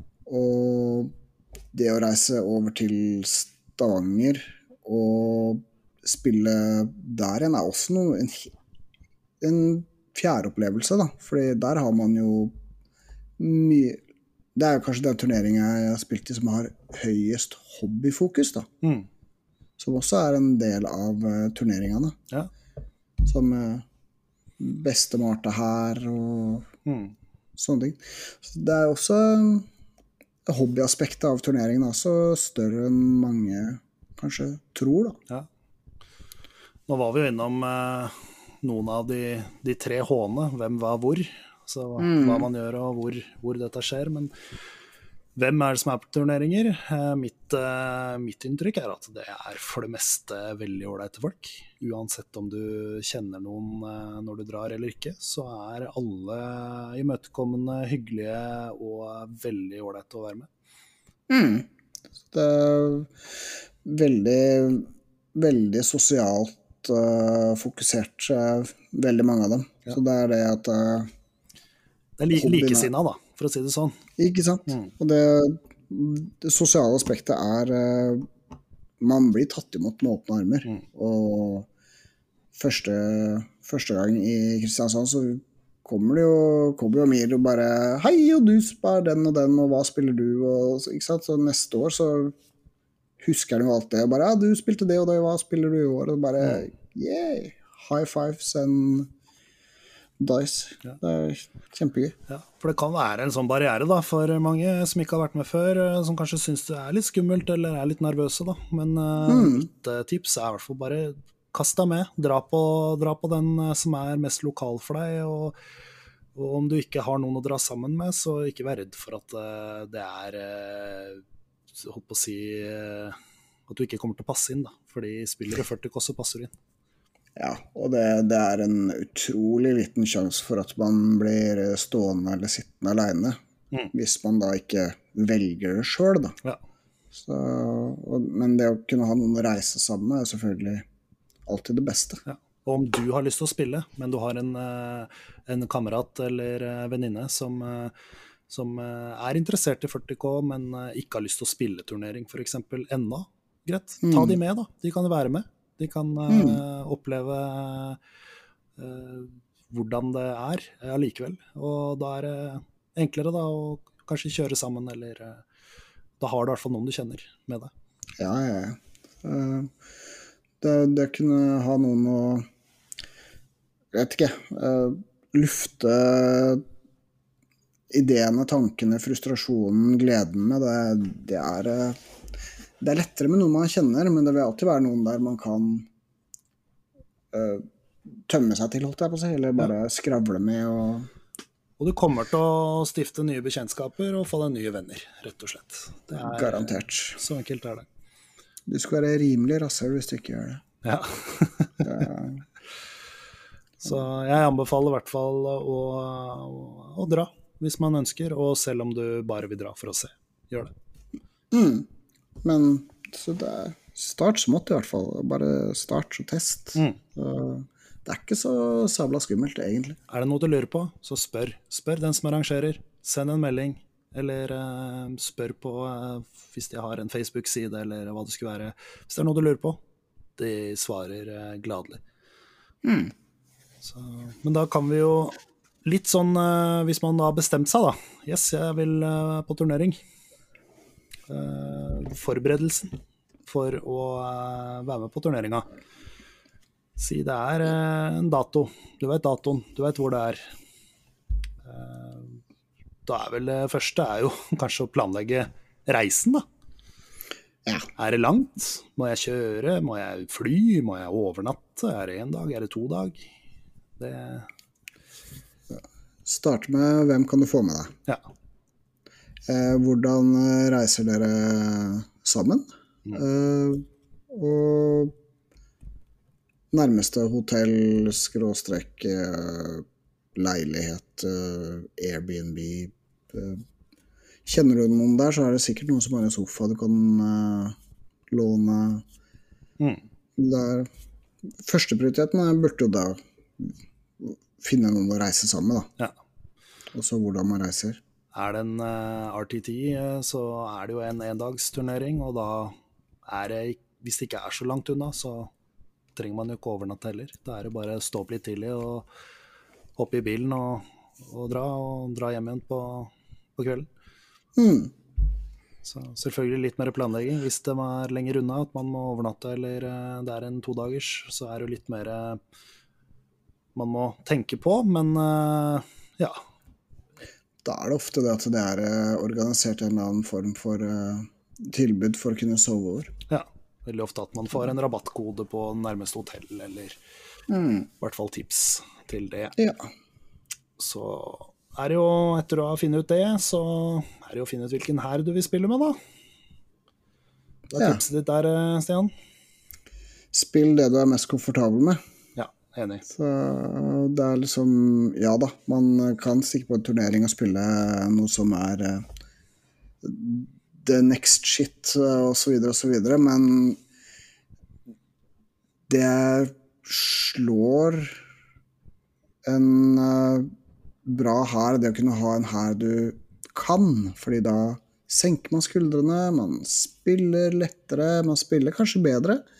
Husker Og- reglene mye lettere. Også. Ja, fordi det er lett når man er i en ny setting som en turnering kan være, å glemme masse. Mm. Sånn som glemme å bruke det at du faktisk har en Demon Prince som står på bordet i tre runder. Ja. Altså, du innser at han først er der når motstanderen charger. Bare s- Ja. sånn skjer. Men hvis man kan ha en skinn ut og inn, og da kommer man lenger. Man er mer komfortabel og slapper mer av. Man har det mer gøy. Er det en turnering som er langt fram i tid, så kan man jo selvfølgelig ta en hær som man kanskje ikke har spilt så mye, men da burde man kjøre en del testkamper, lære seg reglene ordentlig, prøvespille turneringsoppsett med at du eh, har litt begrensa med tid og den slags. da. Ja, ja. Men uh, for å forenkle det enda mer, så har du jo jukselapper, uh, f.eks. Eller kort. Du eh, Har du noen tips der? Nei, har, man, har man muligheten, så burde man jo på en måte lage seg en liten booklet av uh, datasheets man bruker, da. Mm. Eller, eller bare printe ut en, et A4-ark med statlines, og liksom bare move våpen og enkle regler. Og så printer man ut uh, kort, eller kjøper kort, med strats og spells hvis man har psychers. Ja. Så bare legger man bort alt det man ikke trenger. Mm. Så tar man kun med relevant, uh, relevante kort og relevante datasheets, som da kanskje har et sidetall. Så hvis motstanderen har lyst til å se kodeksen din, så er det kjapt å slå opp. Da kan man ha crisp spot type-biter, som man fort kan få det fram. Mm. Ha ferdigtelte eller ferdigsorterte antall terninger man skal ha. Hvis man skal skyte 24 skudd, så har man 24 skudd i én farge, så man kjapt kan kaste terninger. Mm. Så forbered seg mest mulig, da. Og liksom, så at man har oversikt. Ja. En jeg kjenner, han eh, lagde et ark der hvor alle fasene sto. Eh, som han eh, dette lagde den i Excel, tror jeg. Hvor det f.eks. Mm. sto hvilke faser han kan bruke diverse spells, diverse abilities, diverse strategems til de, de forskjellige units han hadde med seg. Da. Det gjorde jo at han eh, eh, slapp å glemme så mye av hva han kunne gjøre forskjellige steder. Så Det er kjempesmart. så et uh, triks, det. Så er det listebygging. Det er jo uh, en holdt på å si egen podkast for seg sjøl, hvordan man skal bygge en effektiv liste. Men eh, jeg tenker det er jo første omgang, hvis du ikke har vært med på turnering før, spill med det du vil. Mm. Men det, det er som greit å liksom se hva missions er, hva man skal spille, Mm. og basere seg på det. Fordi hva man møter, eh, ser man jo ikke kanskje før en uke før turneringa starter. Og da har man jo levert inn lista sjøl. Liksom, du kjenner kanskje ikke metaen i den første turneringen, du veit ikke hva folk spiller. Du kan jo få et inntrykk ved å se litt på nettet og se litt på turneringer rundt omkring hva som gjør det bra, men det er jo ikke noe fasit på at det er det som kommer til å skje i den turneringa du kommer til å være med i, fordi metaen i, i eh, California er annerledes enn i Drammen, som du også sa var annerledes i Moss og Kristiansand. Så, Ja, ja. Så, men Hvis man veit at uh, det er mange nå om dagen som f.eks. spiller Drukari, så har man i hvert fall en liten, uh, mm, liten lampe som eh, man kan tenke på der, da. Så, det blir jo sånn også, man, man ser jo fort Det er en ryggmargsrefleks man får liksom når man får litt mer kjennskap til hvem folka er, da. Mm. Hva pleier de spille, hva tror du at de vil spille, liksom, Og hvordan pleier de å spille det? ikke minst. Eller hvordan Så- pleier de å spille generelt? Fordi mange spiller jo på en spesiell måte, uavhengig av hvilken hær de bruker. Oh yes. Så det er noe man lærer seg etter hvert å, å kjenne, da, de andre spillerne. Mm. Så du, du, du knekker ikke den koden med kamp 1 i den første turnering. Det, det gjør man ikke. Nei. Bygg lister som man tilbake til, uh, som man liker. Ja. Syns er gøy, og veit kan uh, gi et lite punch, da. Og som du veit at du kan score poeng på i missionene du skal spille. Så om det Mm. er chapter approved missions, så veit du hvordan du scorer for primaries, du veit hvordan du scorer secondaries, så da veit du også litt om hvordan du burde lage en liste. Det er jo lite, lite individuelle regelpakker akkurat nå, da. Mm. De fleste bruker uh, bruker uh, chapter approved. Før så hadde man jo ITC, man hadde ETC, man hadde liksom forskjellige ting, da. For Mm. folk var ikke helt enig. Nei. Men Nei, den er veldig fin, den som er nå, syns jeg. mm, Og det er jo da noe som kalles player pack eller tournament pack, eller jeg vet ikke hva du vil. Regelpakke? Regelpakke som blir lagt ut av den som arrangerer. Mm, Den, eh, Last ned den og les igjennom. Der står det hvilke missions som kommer til å bli spilt. Der eh, står det alle andre regler, hvis det er noen egne terrengregler f.eks. som avviker enten fra det som står i regelboka, eller om det er noe spesiell type terreng de har, som de har lagd egne regler for. Eh, ja, det er jo, man kan jo finne tilfeller av uh, house rulings, holdt jeg på å si, hvor man på en måte Jeg tolker uh, regel sånn og sånn til å være sånn og sånn. Mm. Fordi det kanskje ikke har kommet noe fakk på det, eller Eller house rule, rett og slett. At f.eks. første etasje i alle ruiner eh, kan du ikke se gjennom, uansett om det er vindu eller ikke. Det er jo noen som har spilt med det før òg. Ja, uh, ITC 8. edition så videre. Så var det jo ganske vanlig. Ja. Mm. Sånne ting kan dukke opp, og da står det i den, eh, det dokumentet. da. Og Mm. Da er det også greit når du skal spille, å bare avklare det med motstanderen, sånn at dere er enige om at eh, yes, da er det sånn her vi spiller det her eh, terrenget, det her terrenget fungerer på den måten. Ja, vi er enige, ok, men da spiller vi. Sånn at vi ikke kommer midt i kampen, og så blir det en diskusjon at den uniten her ser den uniten der, og så nei, det gjør den ikke fordi den er der og der, og ja. Ja, så det er veldig greit å, at man spiller med samme regler. Så det er veldig greit å avklare Ja. før man triller terninger. Så absolutt. Og hvis det er noe man lurer på eh, før turneringa av det som står i den eh, pakka, så kan man også sende en melding til, eh, til arrangøren og spørre, og da kan de også eventuelt oppdatere eh, regelpakka med svaret, sånn at alle andre også får svar på det du lurer på.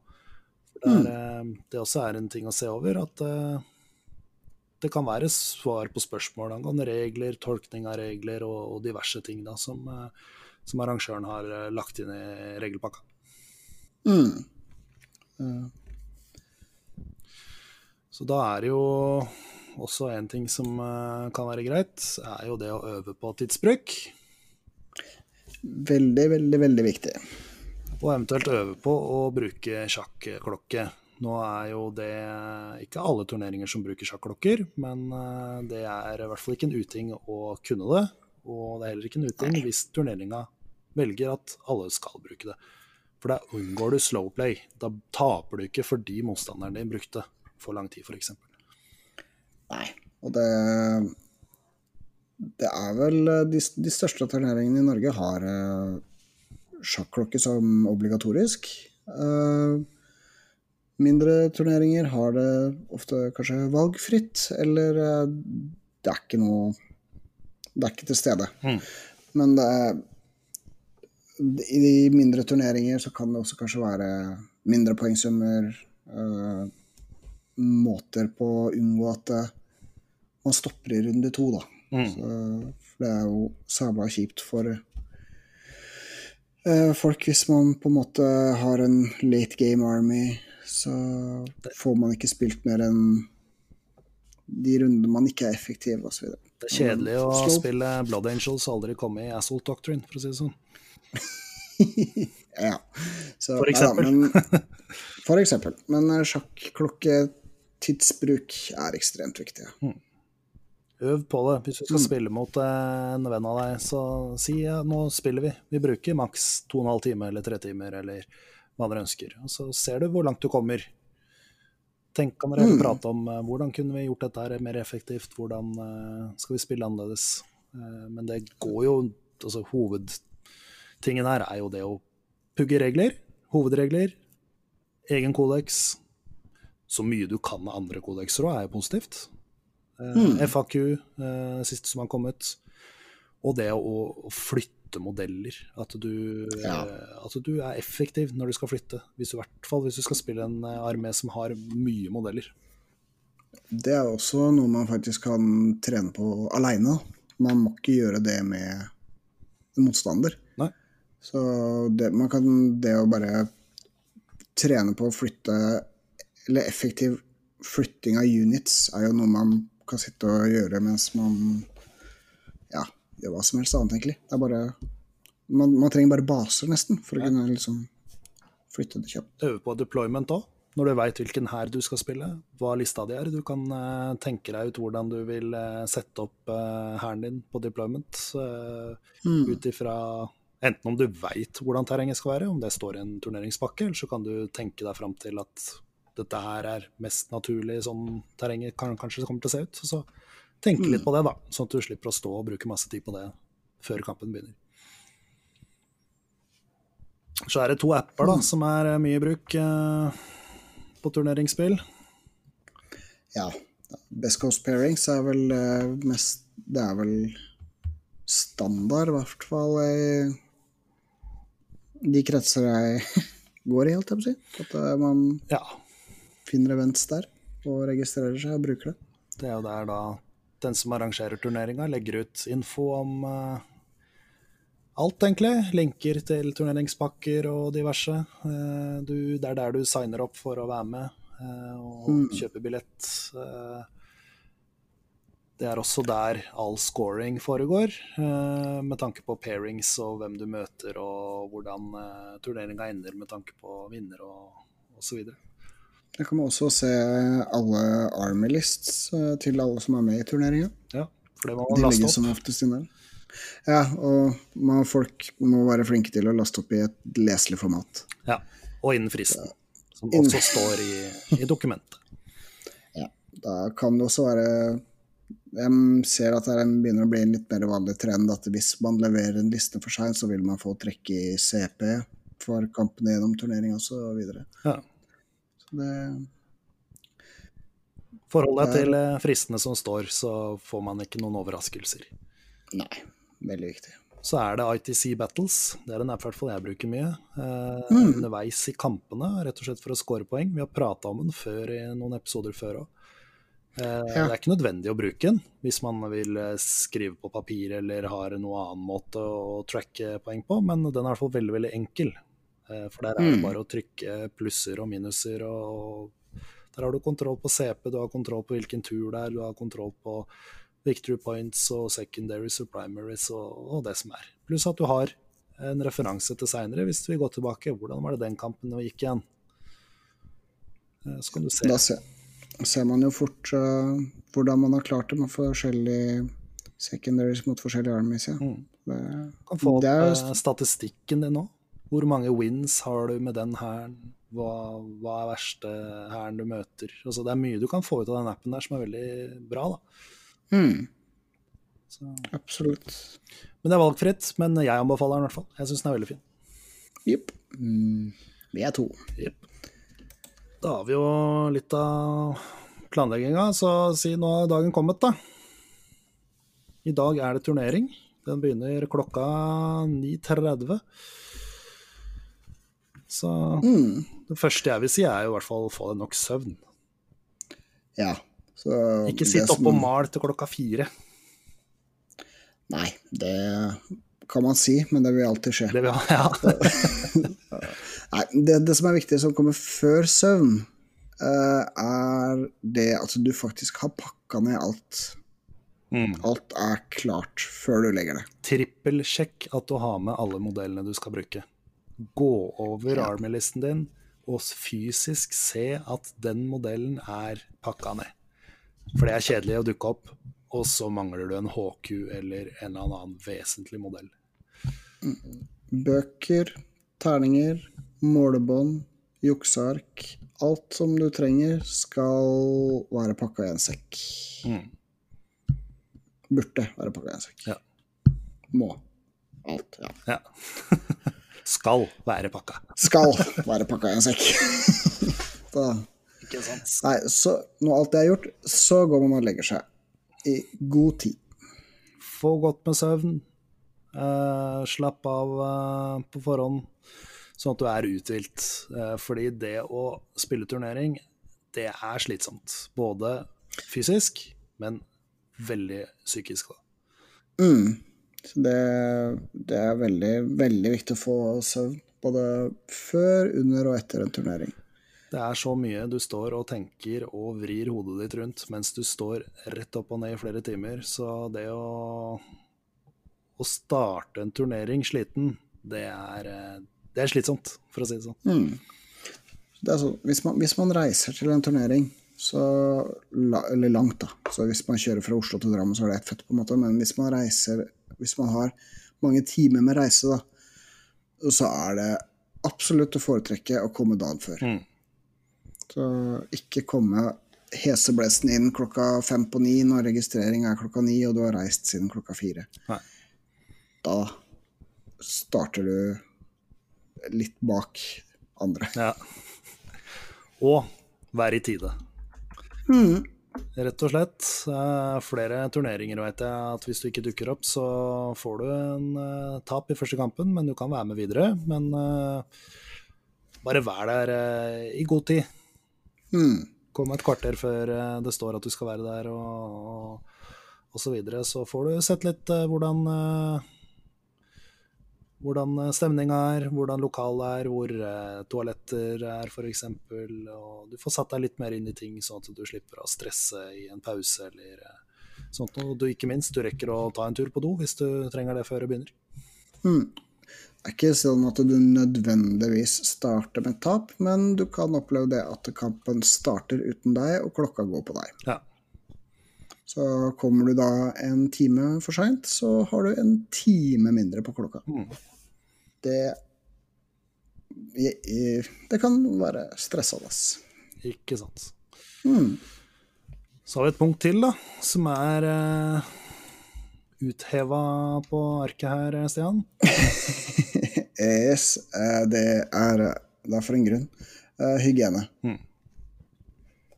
Det kan ikke understrekes hvor viktig og riktig det er at man har eh, faktisk tatt hånd om egen hygiene før man kommer på en turnering.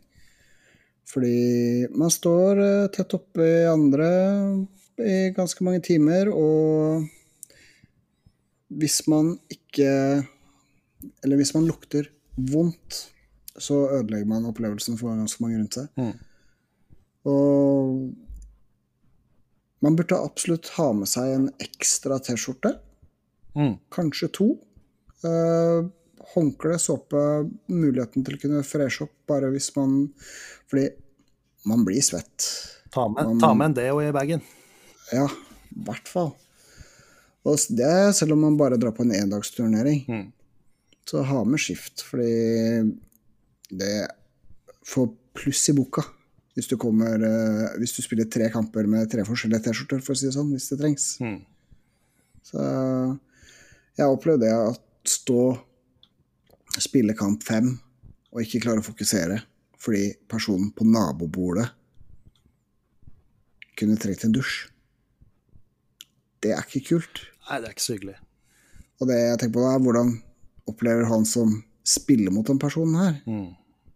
Det er liksom som, det, er veldig, veldig viktig. Mm. Både for egen del og andres del. Neste er mat. Eh, ofte så står det jo i dokumentet om det er inkludert noe mat i eh, turneringsavgiften. Eh, noen ganger så kan det være med lunsj. Hvis det ikke står noe, så er det greit å planlegge det. Undersøke kanskje er det noe mulighet for å kjøpe noe i veldig nær tilgjengelighet. Eller så er det greit å ha med seg eh, mat. Og ta også og spis før du begynner, sånn at du har litt energi i kroppen eh, når du begynner. Det er jo viktigste måltid om dagen, er det ikke det de sier? Denne frokosten. Ja, de sier så, men jeg sliter med å spise den sjøl. Ja. Så Men uansett, det er, det er veldig viktig at den maten man da har med seg, er uh, fornuftig. Ja. Ikke boller og brus og Enkelt, men næringsrikt, kan kan du si, da. Så noe som, lenger. eh, noe som det går fort å spise, men som smaker godt og gir deg energi og, og det du trenger for å holde ut, og for å få hjernen din til å yte på maks. mm. Det er viktig. Ja. Og snacks underveis, selvfølgelig. Ta noen energibarer eller noen nøtter eller hva det skulle være. Og, og ta deg en liten håndfull eh, hvis du føler at du trenger en liten eh, innsprøytning av energi. Mm. Så er det jo innstilling, da. Hva slags innstilling burde man uh, ha når man uh, drar på turnering? At det, det skal være gøy. At det skal være sosialt, og at man skal kunne gi andre god opplevelse. Positiv, Det er- positiv innstilling. Positiv, ja. Da kommer du langt, uansett. Ja, så eh, Ikke Eller også ha en innstilling på at uh, det kan gå skikkelig, skikkelig, skikkelig skeis. Ja. Det, det er viktig. Der er vi på forventning. Mm. At Sett deg en realistisk forventning. Hvis det er din første turnering, så, så er det skummelt å gå og tenke at man skal vinne hele greia. For der er det mest sannsynlig spillere som har spilt eh, mye turneringsspill. Og uh, sett deg heller et mål, da. At jeg vil vinne en kamp.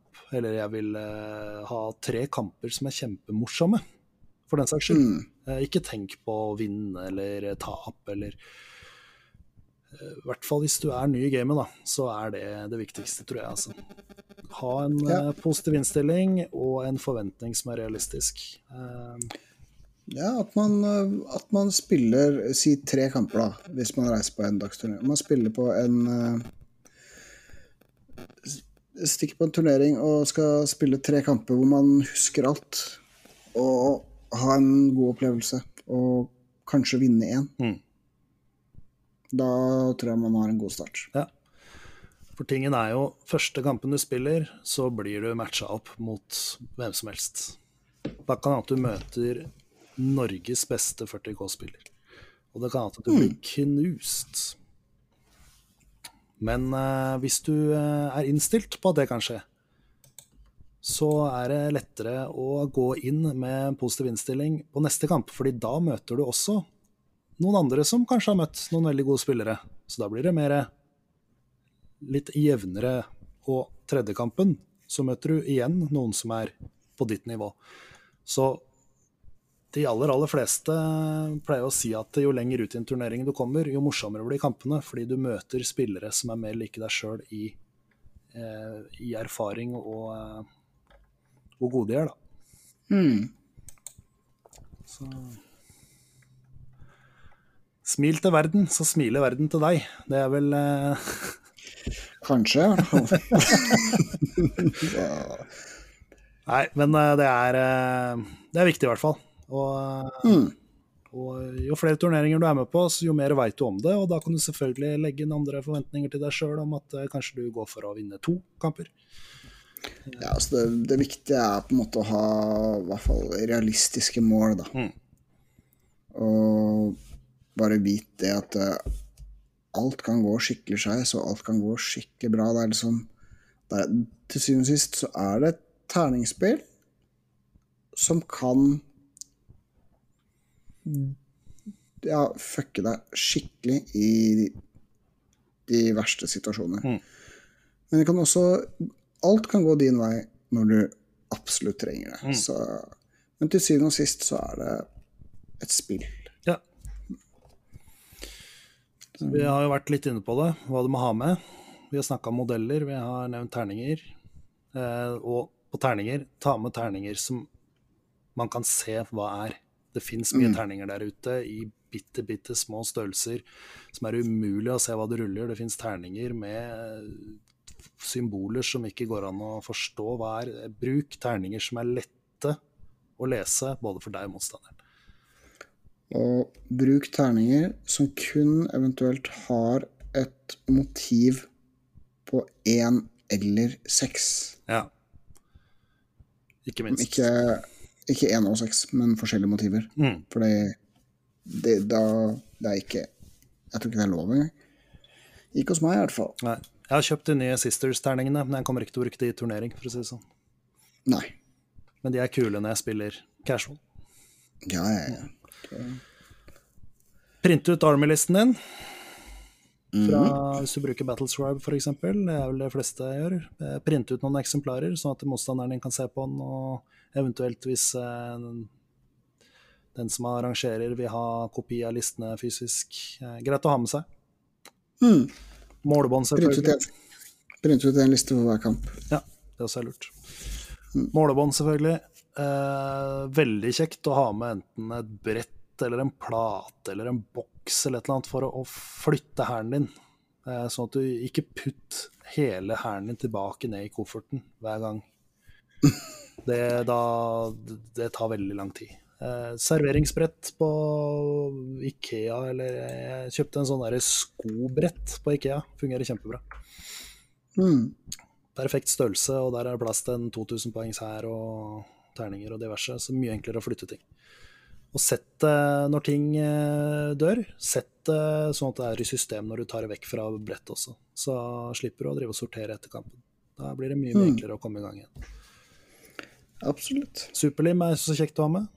Plutselig er det noe som knekker, løsner fra plate, eller en antenne som eh, spretter av gårde. Får du festa det på igjen. Så har du drikke, vil jeg si. Vann. Vann. En flass, vannflaske. Store vannflasker. Ja. Ta det med. Veldig. Drikk heller litt energidrikk og brus og sånt nå eh, innimellom, men eh, det å hydrere seg med vann, det er ingenting som slår. Når du står og bruker hjernen og, og kroppen eh, så mye som man gjør på en turnering. Mm. Drikk nok vann. Så er det jo Kan vi ta litt Det er jo Nå er vi jo på turnering, nå holdt jeg på å si. Ja. Litt sånn gjennomføring. Eh, hvordan en typisk turneringsrunde er. For da er jo Det er jo check-in, det var vi innom. Det gjør du når du kommer. Da går du inn i BCP-appen og sier at eh, hei, nå er jeg på plass, jeg er klar.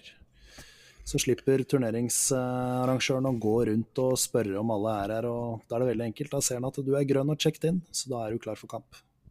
Mm. Så fort alle er eh, checked in, så kommer turneringsarrangøren til å kjøre en pairing. Da blir man da rett og slett satt opp mot en motstander. Får man vite bord og hvordan Alle bord er jo merka med nummer, vanligvis. Og da ser man OK, jeg møter X person på bord nummer tre. Da er det bare å gå til bord nummer tre, da, og hilse og være høflig. Det er en fordel, man kommer lenger. Kan også si om pairing, jeg sa jo det er jo helt random hvem du møter i første runden, men eh, med mindre man er fra samme klubb, vel, mener jeg BCP, da møter du ikke folk fra din egen klubb første runde.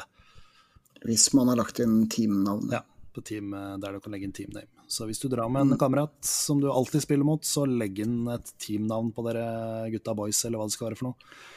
Eh, bare for å unngå at dere møter hverandre i første kamp, i hvert fall. Eh, etter første runde så kan dere møte hvem som helst. Da kan det at dere møtes. Mm. Så da er det jo, ja, vær eh, positiv og hyggelig, og se over missionet sammen. Eh, Det har dere jo fått i eh, turneringspakka. Hmm. Se over eh, terrenget, snakk om det som nevnt. Eh, Være enige om eh, objective markers, at de står riktig plassert. Mm. Og eh, deployment zones, at det er eh, i orden. Ja. Så er det greit å bare presentere hæren sin. Mm. Hold det kort, men konsist, tenker jeg da. ja. Gå over det som er viktig. Eh, altså, man trenger ikke å eh, forklare statsa på alt, men uh, hvis det er noen uh, kule triks en unit har, så kan man nevne det, f.eks. Ja, så i en turneringssammenheng så kan man jo ta utgangspunkt i at eh, de fleste kjenner til, i hvert fall til kjernen av en hær, da. Mm. Og sånn som jeg pleier å gjøre det, er at eh, jeg presenterer hæren kjapt, og liksom så spør jeg er det noe du lurer på. Det er liksom etter at man har fortalt eventuelt om noen komboer som Herdin din har, som man kanskje ikke er klar over. Mm. Men stille spørsmål. Er det noe du lurer på, så kan du gjerne stille spørsmål. Og så, som jeg ofte sier, er at eh, nei, jeg tror jeg har oversikten, men det kan hende jeg spør underveis. Ja. For det er helt lov. Ja. Spør underveis. Er det noe du er usikker på? Er det noe du har glemt? Spør underveis. Ja. Spør eh, så mye du vil. Og husk å, når du presenterer hæren din, si hvilken f.eks. for eksempel chapter det er. da. Hvis jeg spiller med Mm. min Salamander, så sier jeg yes, jeg spiller Salamanders, og så kan jeg fort si at chapter tacticen deres er at de ignorerer AP minus 1, og jeg kan rerolle en to wound eh, med hver unit hver gang de skyter, slåss eller skyter Overwatch. Veldig Mm. kort, men da har i hvert fall motstanderen det i bakhuet, at ok, det er Salamanders, og det er hovedtinga deres. Pluss at de har pluss én to wound da med Flamer som Melta i Tactical Doctrine. Mm. Og så kan jeg heller nevne, hvis det er noe mer Judiciaren min, eksempel. Jeg har en Judiciar. Han kan da gi fight last, for eksempel. Bare sånne veldig korte ting som er greit å, å nevne. For det er sånn typisk gotcha-triks og sånt. Det Mm. Så det er også, Der kan man jo da fort eh, liksom, se an eh, den man spiller mot, da. Mm. Fordi man er en rutinert spiller som eh, har um, god oversikt, så vet nok de kanskje ting allerede, men det det er jo noe man fort får en feeling av. ikke, Så, men- men du skal heller ikke røpe taktikken din. Nei, nei, Selvfølgelig. gæren. Hold korta til brystet, Ja. men bare vi informerer om hva man har. Ja. Så Så er det jo det å stille inn klokke, og eventuelt avtale tidsbruk hvis det ikke er med klokke.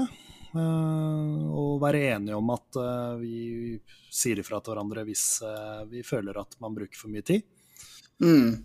Og Så- så at man er enige om det, og at det ikke skal bli en sånn uh, kjip ting da, å gjøre.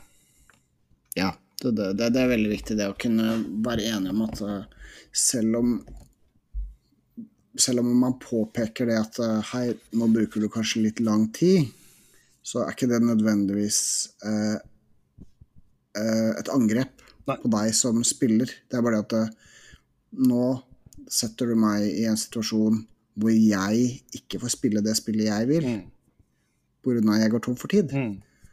Det er liksom, og det å si det til en annen i en turneringssammenheng er helt greit. Ja. Og hvis den personen da tar seg nær av det, så tar du det opp med eh, en dommer eller arrangør etter kampen. Mm. Om at eh, den personen her brukte for lang tid i den og den setting, og bare sånn at de er klar over det til Mm. Neste kampene. Ja. Så, for det, det er ikke noe gærent å si fra. Nei. Det, det, er, det er faktisk veldig viktig, for det kan hende at spilleren faktisk ikke, ikke er klar over det, at den bruker for lang tid. Mm. Ja, ja. Og, og hvis du er noen andre ting, som at de ruller terninger på feil måte, du har ikke oversikt, du får ikke sett, så er det veldig, veldig viktig at man på en måte sier fra. Mm. En, sånne ting er jo helt fair å si fra om, og man kan si det på en veldig hyggelig måte. At eh, du, beklager, men jeg, jeg ser ikke hva du ruller. Kan du rulle terningene dine her isteden. Ja, eh, og beklager du Nå ruller du på en måte som faktisk er borderline til juks. Eh, det er sikkert ikke meninga, men du må være klar over det. Så dialog, dialog, dialog. Så da er det jo egentlig bare å følge mission-oppsett og spille og kose seg, da. Være effektiv og ha det gøy. Ja. Skåre underveis poeng, da. Det snakka vi om, enten med ITC Battles-appen eller på en annen måte. Mm. Så er det veldig greit når eh, kampen er over, og så bare se over at dere er enige om at eh, resultatet er det det er. Ja. V Veldig viktig at man fører poeng. Ikke, ikke baser deg på at eh, motstanderen skal føre dine poeng. Nei. Det skjer ikke alltid. Både CP og victory points. Og så blir dere enige etterpå. Har du samme resultat som meg? Ja, flott. Hvis ikke, prøv å finne ut av hvor eh, glippen har skjedd. Ja, og ofte så har man blir man enig Hvis begge ikke fører, så blir man enige om at én av dere tar, tar rollen, da. Mm. Så, men at det, det vil ettergås av den andre personen uansett. Ja. Så, men igjen så kommer det tilbake til det med å kunne snakke sammen og holde en dialog, da. Så bare stille spørsmål, avklare og være tydelig. Mm. Og så er det bare å legge inn resultatet i BCP etterpå, og vente på neste runde. Og hvis man da er eh, ferdig før tida, så er det jo da en god mulighet til å kunne være sosial. Eh, Gå litt rundt, kikke litt, se på noen kamper, men ikke forstyrr, selvfølgelig. Nei, ikke sant. Det, det, det som jeg syns er veldig hyggelig, da, er f.eks. å kunne ta en kopp kaffe eller drikke vann eller brus, spise sammen med den personen du spilte sammen med, da. Mm. Prate litt om kampen. Hva gjorde jeg, hva ville du gjort annerledes, hva Og så gi, gi tilbakemeldinger begge veier, få og gi. Og liksom Litt tips. prat, sosialisere, bli kjent med folk. Mm. Og hvis man reiser sammen med noen, så har man jo da muligheten til å kunne introdusere hverandre, få et litt større nettverk. Mm. Det, det er en veldig fin mulighet mellom kamper, da, fordi eh, noen ganger så blir man løpende fra bord til bord, men eh, andre ganger så har man jo tid, da. Ja. Så det, da må, setter man inn det sosiale støtet, Ja. hvis man ønsker. Noen ganger så er det også bare deilig å trekke seg tilbake til hotellrommet og koble ut. Ja. Men det er en fin mulighet, i hvert fall. Så da er det jo ja, Husk å drikke nok vann, si det igjen. Mm, vann, vann, vann. Sitt ned hvis du kan. Hvis det er noen barstoler rundt omkring, eller sånt, du kan du godt sette deg ned litt innimellom mens motstanderen flytter litt, f.eks., selv om hvis du klarer å ha oversikt allikevel. Eller Mm. mellom kampene. Sett deg ned, for du kommer til å stå mye. Ja. Og gå ut litt innimellom for å få litt frisk luft sånn mellom runder og sånt. Sånn at uh, Mm. du får uh, Får eh, rett og slett uh, våkna opp litt. Så, Mm. Placings, det er jo Underveis i turneringa så kan man gå inn på BCP og se hvor man ligger an på tabellen, da, ut ifra hvor mange wins man har og hvor mange poeng man har. Og Det er det også det som utgjør hvem man blir paira mot neste runde. For da er det jo de som De to på toppen går mot hverandre og, og så videre nedover. I hvert fall på den vanlige eh, pairing-metoden. Swiss Mm. pairing. Ja. Mm. Eh, Så er det litt sånn derre Hvis man glemmer noe, da. Hva gjør man da? Hvis man f.eks. Oi, jeg glemte å flytte den uniten her, jeg. Hvis man er midt i shooting-facen. Oi. Å ja, den der eh, uniten der, den eh, skulle egentlig stått her, den. Ja, så da Jeg tenker jo det at eh, hvis man er i samme fase og spør om takebacks, så så, så er det greit å spørre. Mm. Men sånne ting kan også være greit å avklare før kampen. Mm. Hvordan forholder du deg til takebacks? Eller takeback er jo da gå tilbake på noe som er gjort. Hvis man sier at dette er min første turnering, jeg har ikke spilt turnering før, det kan det godt hende at motstanderen din sier vet du, det er greit. Eh, bare flytt den dit du tenkte å ha den. Men eh, ikke forvent at motstanderen uh, syns det er greit, fordi det er en turnering. Ja, og det er helt greit å spørre, men det er også helt greit for motstanderen din å si nei. Mm. Eh, Beklager. Det Det syns jeg blir å gi for mye. Mm. Um, og det går alle veier. Ja. Og jeg pleier å være ganske rundhånda på det uansett, så, og det er egentlig ganske mange. Ja. Uh, Men igjen, jukselapp. Jukselappet er gæren. Viktig, Så- viktig. er det mindre sjanse for at man glemmer noe. Slowplay Jeg eh, var vi jo borti òg. Hva gjør man Mm. hvis man opplever det? Ta det opp på en hyggelig Snakk om- måte. Mm. Og hvis det ikke går noen vei, så ta det opp med en, eh, en dommer eller eh, arrangør. Mm. Samme gjelder jo egentlig juks. Nå er det jo forhåpentligvis ikke mye av det. Men eh, hvis Nei. du skulle oppleve det, så føler man at det noe er uh, uh, gærent, så og man ikke føler seg Hvis det er første turnering og du føler at noen jukser, så har du ikke lyst til å bare slå hånda i bordet og si at du, hør her. Men øh, det, føler man veldig sterkt på det, så tenk over det, øh, og så si pause. Ber du motstanderen sette klokka på meg, eller deg, da, og så sier du beklager, jeg må bare ta og undersøke noe. Og så går man og prater med en arrangør. Uh, forteller hva man har opplevd, og spør hva man skal gjøre. Og da får man eh, sannsynligvis eh,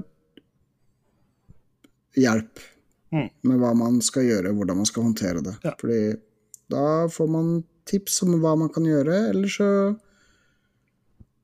kan også hende, hvis det, arrangøren da syns det virker såpass alvorlig, at eh, den personen blir med til bordet og prater med den andre personen. Og finner ut av hva som har skjedd. finner ut av hva som skjedde, og hva hvordan man skal løse det. Ja. Fordi det at man føler at noen jukser, eller at noe er gærent, er ikke nødvendigvis et angrep på den andre, men at eh, man ønsker å forklare til noe. Ja. Og det er veldig mye Og- regler, så kan at motstanderen Ja. din har misforstått noen regler òg. Mm, men alltid før man går til en dommer, hvis man føler seg komfortabel med det, så kan man ta det opp med motstanderen. Ja. Så fordi hvis man føler at noen jukser og man tar det opp med en arrangør, så er det ikke sånn at uh, uh, arrangøren setter på blålys og løper til bordet og slår bare 'hør her', men at man bare får tilbakemelding om hva man kan gjøre. Mm. Så det er ganske trygge rammer hele veien uansett. Ja. Så, men ikke, ikke la det gnage på deg, i hvert fall. Nei. Ta det opp. Mm. Så etter å ha spilt, etter alle kampene er spilt er jo Mitt største tips er jo å ta på vind med samme sinn. Hmm. Ta erfaringen eh, med deg. Ha det mindset at eh, de kampene man lærer mest av, er de man taper. Og så eh, oppfordrer jeg til å være igjen litt etter, ikke bare pakke sammen og dra med en gang, men å, det pleier jo ofte å være kanskje en premieutdeling og være igjen og rett og slett hedre de som vinner, da. Og mm. applaudere og, og vise at uh, man, eh, man er med uh, uansett hvordan man gjør det sjøl. Ja.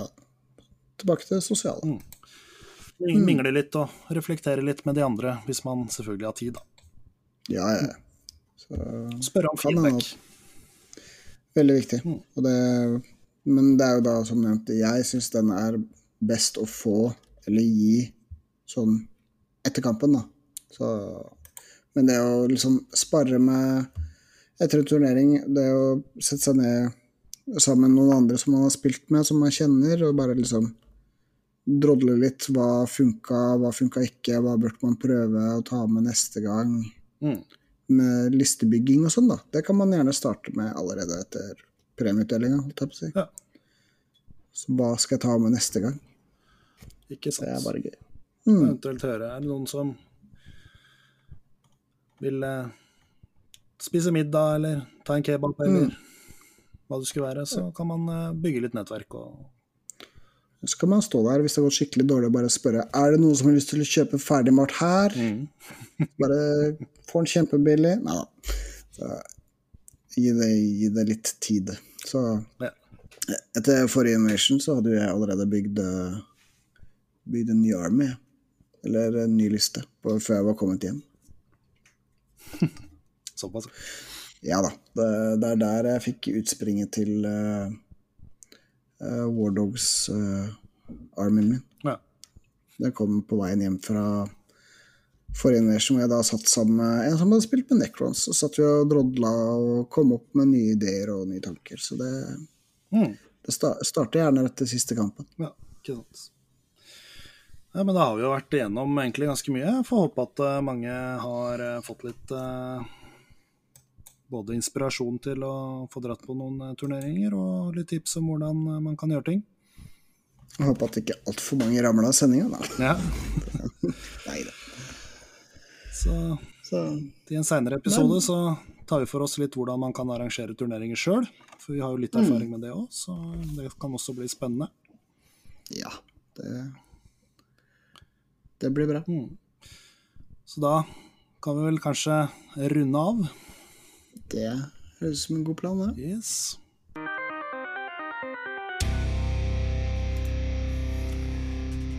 Yes, det var det vi hadde i dag.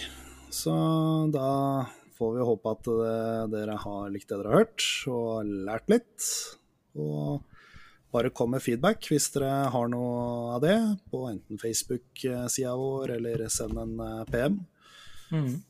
Eh, subscribe gjerne hvis du, eh, hvis du vil vite når neste episode kommer. Så får du en eh, notifikasjon i podcast-appen din eh, der. Og eh, også på nettsida, eller jeg håper å si nettsida, men Facebook-sida vår.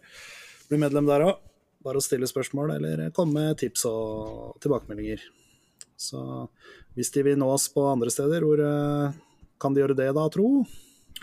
Da har du Drammen Spillforening på Facebook. Vi har Eastfold Warzone på Facebook, og vi har 40K Norge på Facebook. Også for dine hobbybehov så har Midgard Games eh, på internett.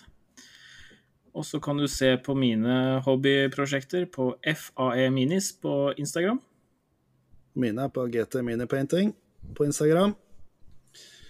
Join oss på Facebook, 40K med Ø og Å, for spørsmål, tilbakemeldinger og info. Der har jeg også lagt ut eh, kartet som vi snakka om eh, når vi snakka om narrative spilling, pluss at jeg har fått tilbakemelding fra Daniel om regelsettet for Murlax, som han også skal sende meg så fort han får tid. Eh, som jeg også kommer til å legge ut der, så folk kan bruke hvis de vil. Det er veldig omfattende, men et veldig kult system å bruke hvis man vil spille narrative.